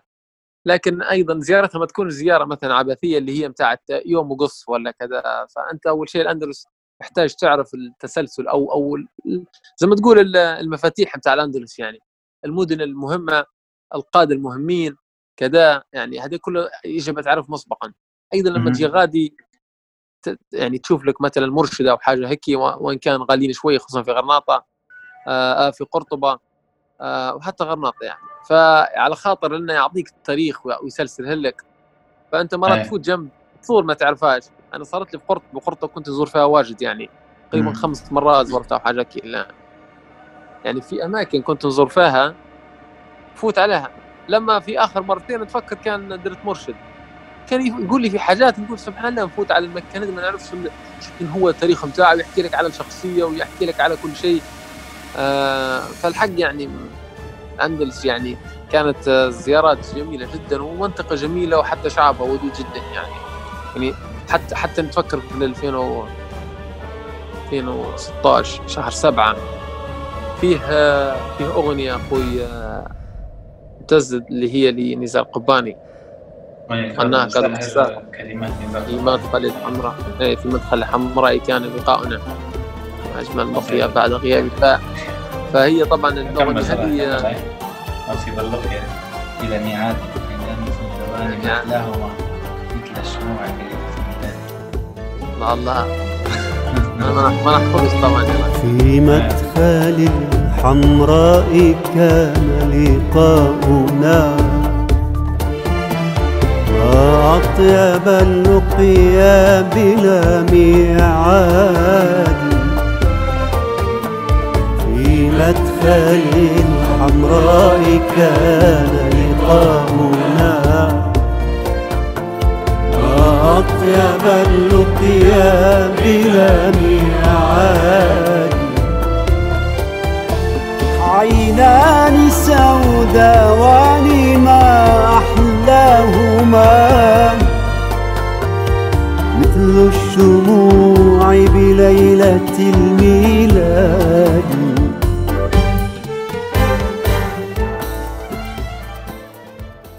أنا محب جدا يعني عاشق للشعر الشعر الفصيح والشعر الليبي يعني عاشق جدا جدا لكن ما عنديش ملكة الحفظ للأمانة. مم. ف... المرة حتى آه، درسنا ال- المرة اللي فاتت درسنا فيه في التسجيل اللي فات اللي راح لكن هذا ما درسناش فيه.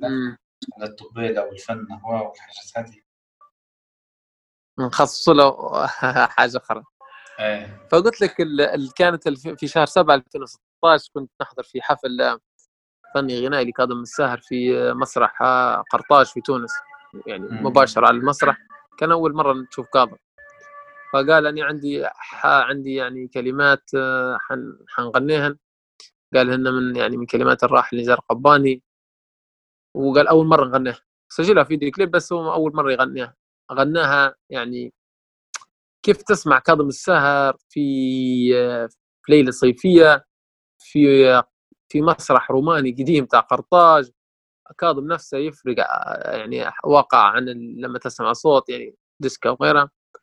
ولما يحكي لك يعني على على قصر الحمراء وعلى أمجاد بني أمية يقول لك يعني رايات بني أمية ولما يحكي لك عن عينان سودوان وصاحت قرون سبعة في طينك العينوان فقصدي يبدي يحكي لك ويغني في في كلمات الكلمات نفسها كيف السحر يعني.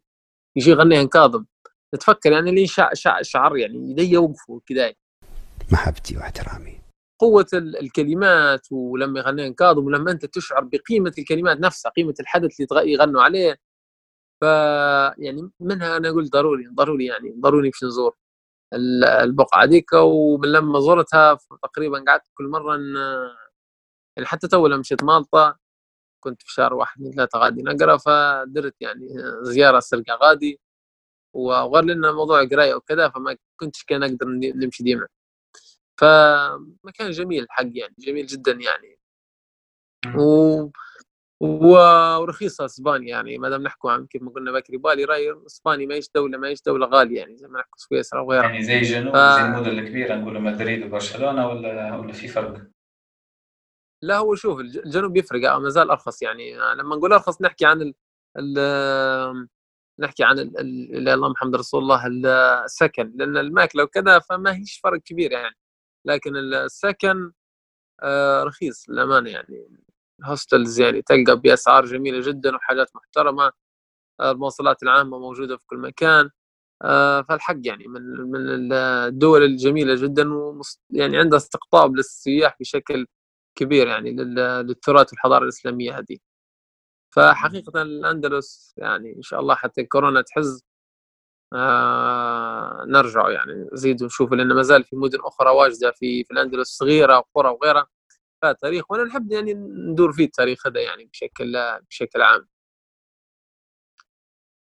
ممتاز. آه نرجع باين نتكلم على حاجة ثانية هيك بي- نفس اللقطة يعني لاحظتها عندك أنت وعندنا يعني في مدن نحب نرجع لها.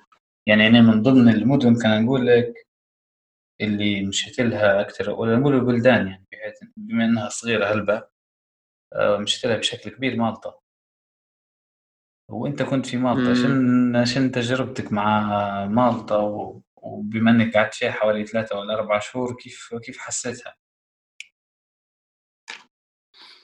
والله هي يعني تستاهل تستاهل جدا مالطا إن, إن الإنسان يعني إنك تزورها اثنين ثلاثة أربعة إنك حصلت كل ما أنت ماشي جاي تزورها. تصور أني مالطا كنت نادم إني ديما نفوت فيها وما عمرش ما, ما كنتش نحط فيها في المخطط نتاعي. قصدي. نقول مالطا أنا هيك كنت نقول مالطا. قصدي هي شنو؟ هي بلوكة في ال- في البحر. يعني حتى الإنجليزي يقول يعني رشادة في في- في- في البحر ما إيش حاجة. الطليان بيقول يقول أنا قصدي بكل يعني. وهي فعلا يعني ناتشورال هاربر ف للأمانة ما كنتش ديما نقول شنو هي شنو بتكون فيها؟ جابت الظروف يعني الظروف جابتني إني نقرأ غادي لقيت التاريخ يعني التاريخ فيها لين لين لين خل... يعني التاريخ لين قصدي شفت الملقي لما تعبيه مي بدل ما تفزع برا قصدي التاريخ متاعها معبى معبى بكل. اللغة متاعتها الجميلة اللي هي يعني مستوحاة من اللغة العربية بمفرداتها وغيرها. آه شعب متاعها اللي هو تغير الآن عادش ولا الشعب المالطي الأول كيف ولت الآن اقتصادها قوي؟ آه كيف هي أصلا معمارها معمار متاعها يعني ماهوش ماهوش المدن اللي نحكي نقولوا ميلان وبرشلونه باريس مثلا آه،. لا المعمار بسيط. فتشعر إن شفت آه، يعني تشعر زي ما كيف ما نقولوا مثلا ال- المرسى في آه، المرسى في آه، في تونس العاصمة. نفس الشيء عبارة عن مكان راقي فيه كل الحاجات اللي أنت تبيها. البني دور أول دور ثاني مثلا أوكي في يعني على الشط تلاقي الدوار العاليه لكن بشكل عام ما هيش اللي هي ال- ال- المزعجة جدا. فتشعر إنك أنت ماكش في في مكان صناعي. تشعر إنك أنت مكان هذا طبيعي. للأمانة وقبله للسياح يعني المدينة هذه. أنا حبيتها خلال ثلاثة شهور اللي مغادي آه فلولا الكورونا كنت يعني أنا كنت حتى إجازتي المفروض بعد نبي نقضيها في مالطا. الليبيين يعني جالية كبيرة غادي وعرفت أنا ليش الزمان الليبيين يعني ديما يجي مالطا فجميلة للأمانة يعني. والانسان أي حد يحب التاريخ ننصحه مالطا ما تفوتهاش. تبي تاريخ إيطالي إنجليزي إسلامي عربي شمال أفريقي تبي تاريخ عثماني تبي شنو تبي؟ أنت تلاقي غادي. كل شيء. يعني الامانه من من الدول ال- الجميلة الدول غالية شوية. يعني ما هيش ما هيش دولة مثلا هي هي هي مالطا تعتبر غالية شوية ما هي زي المدن الثانية كما نقول جنوب فرنسا إسبانيا آه إيطاليا أنا مشيت مرتين تقريبا لكن ما عنديش فكرة بشكل عام يعني عن إيطاليا. آه ما هيش زي سويسرا الحاصل آه فهي غالية للأمانة ولكن ما هوش الغلاء اللي ينفر. فأنت تقدر تمشي تدير بادجت معينة. ننصح بشدة إنك تمشي لها في وقت مهرجانات. يعني تقدر تدير قبلها بحث تشوف شوف في مهرجانات تقريبا عندهم واحد شهر ثلاثة آه هذا اللي كنت أو إيه اثنين في في بداية ثلاثة تقريبا في مدينة في جزيرة آه اوتش اللي هي جودز يقولوا لها.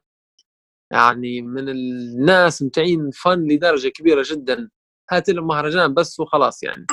فالحق. يعني. الدولة هذه تستحق يا معتز وأنت ما ما خسرتش وقتك ولا فلوسك إنك أنت تمشي لها أكثر من مرة يعني الحق يعني.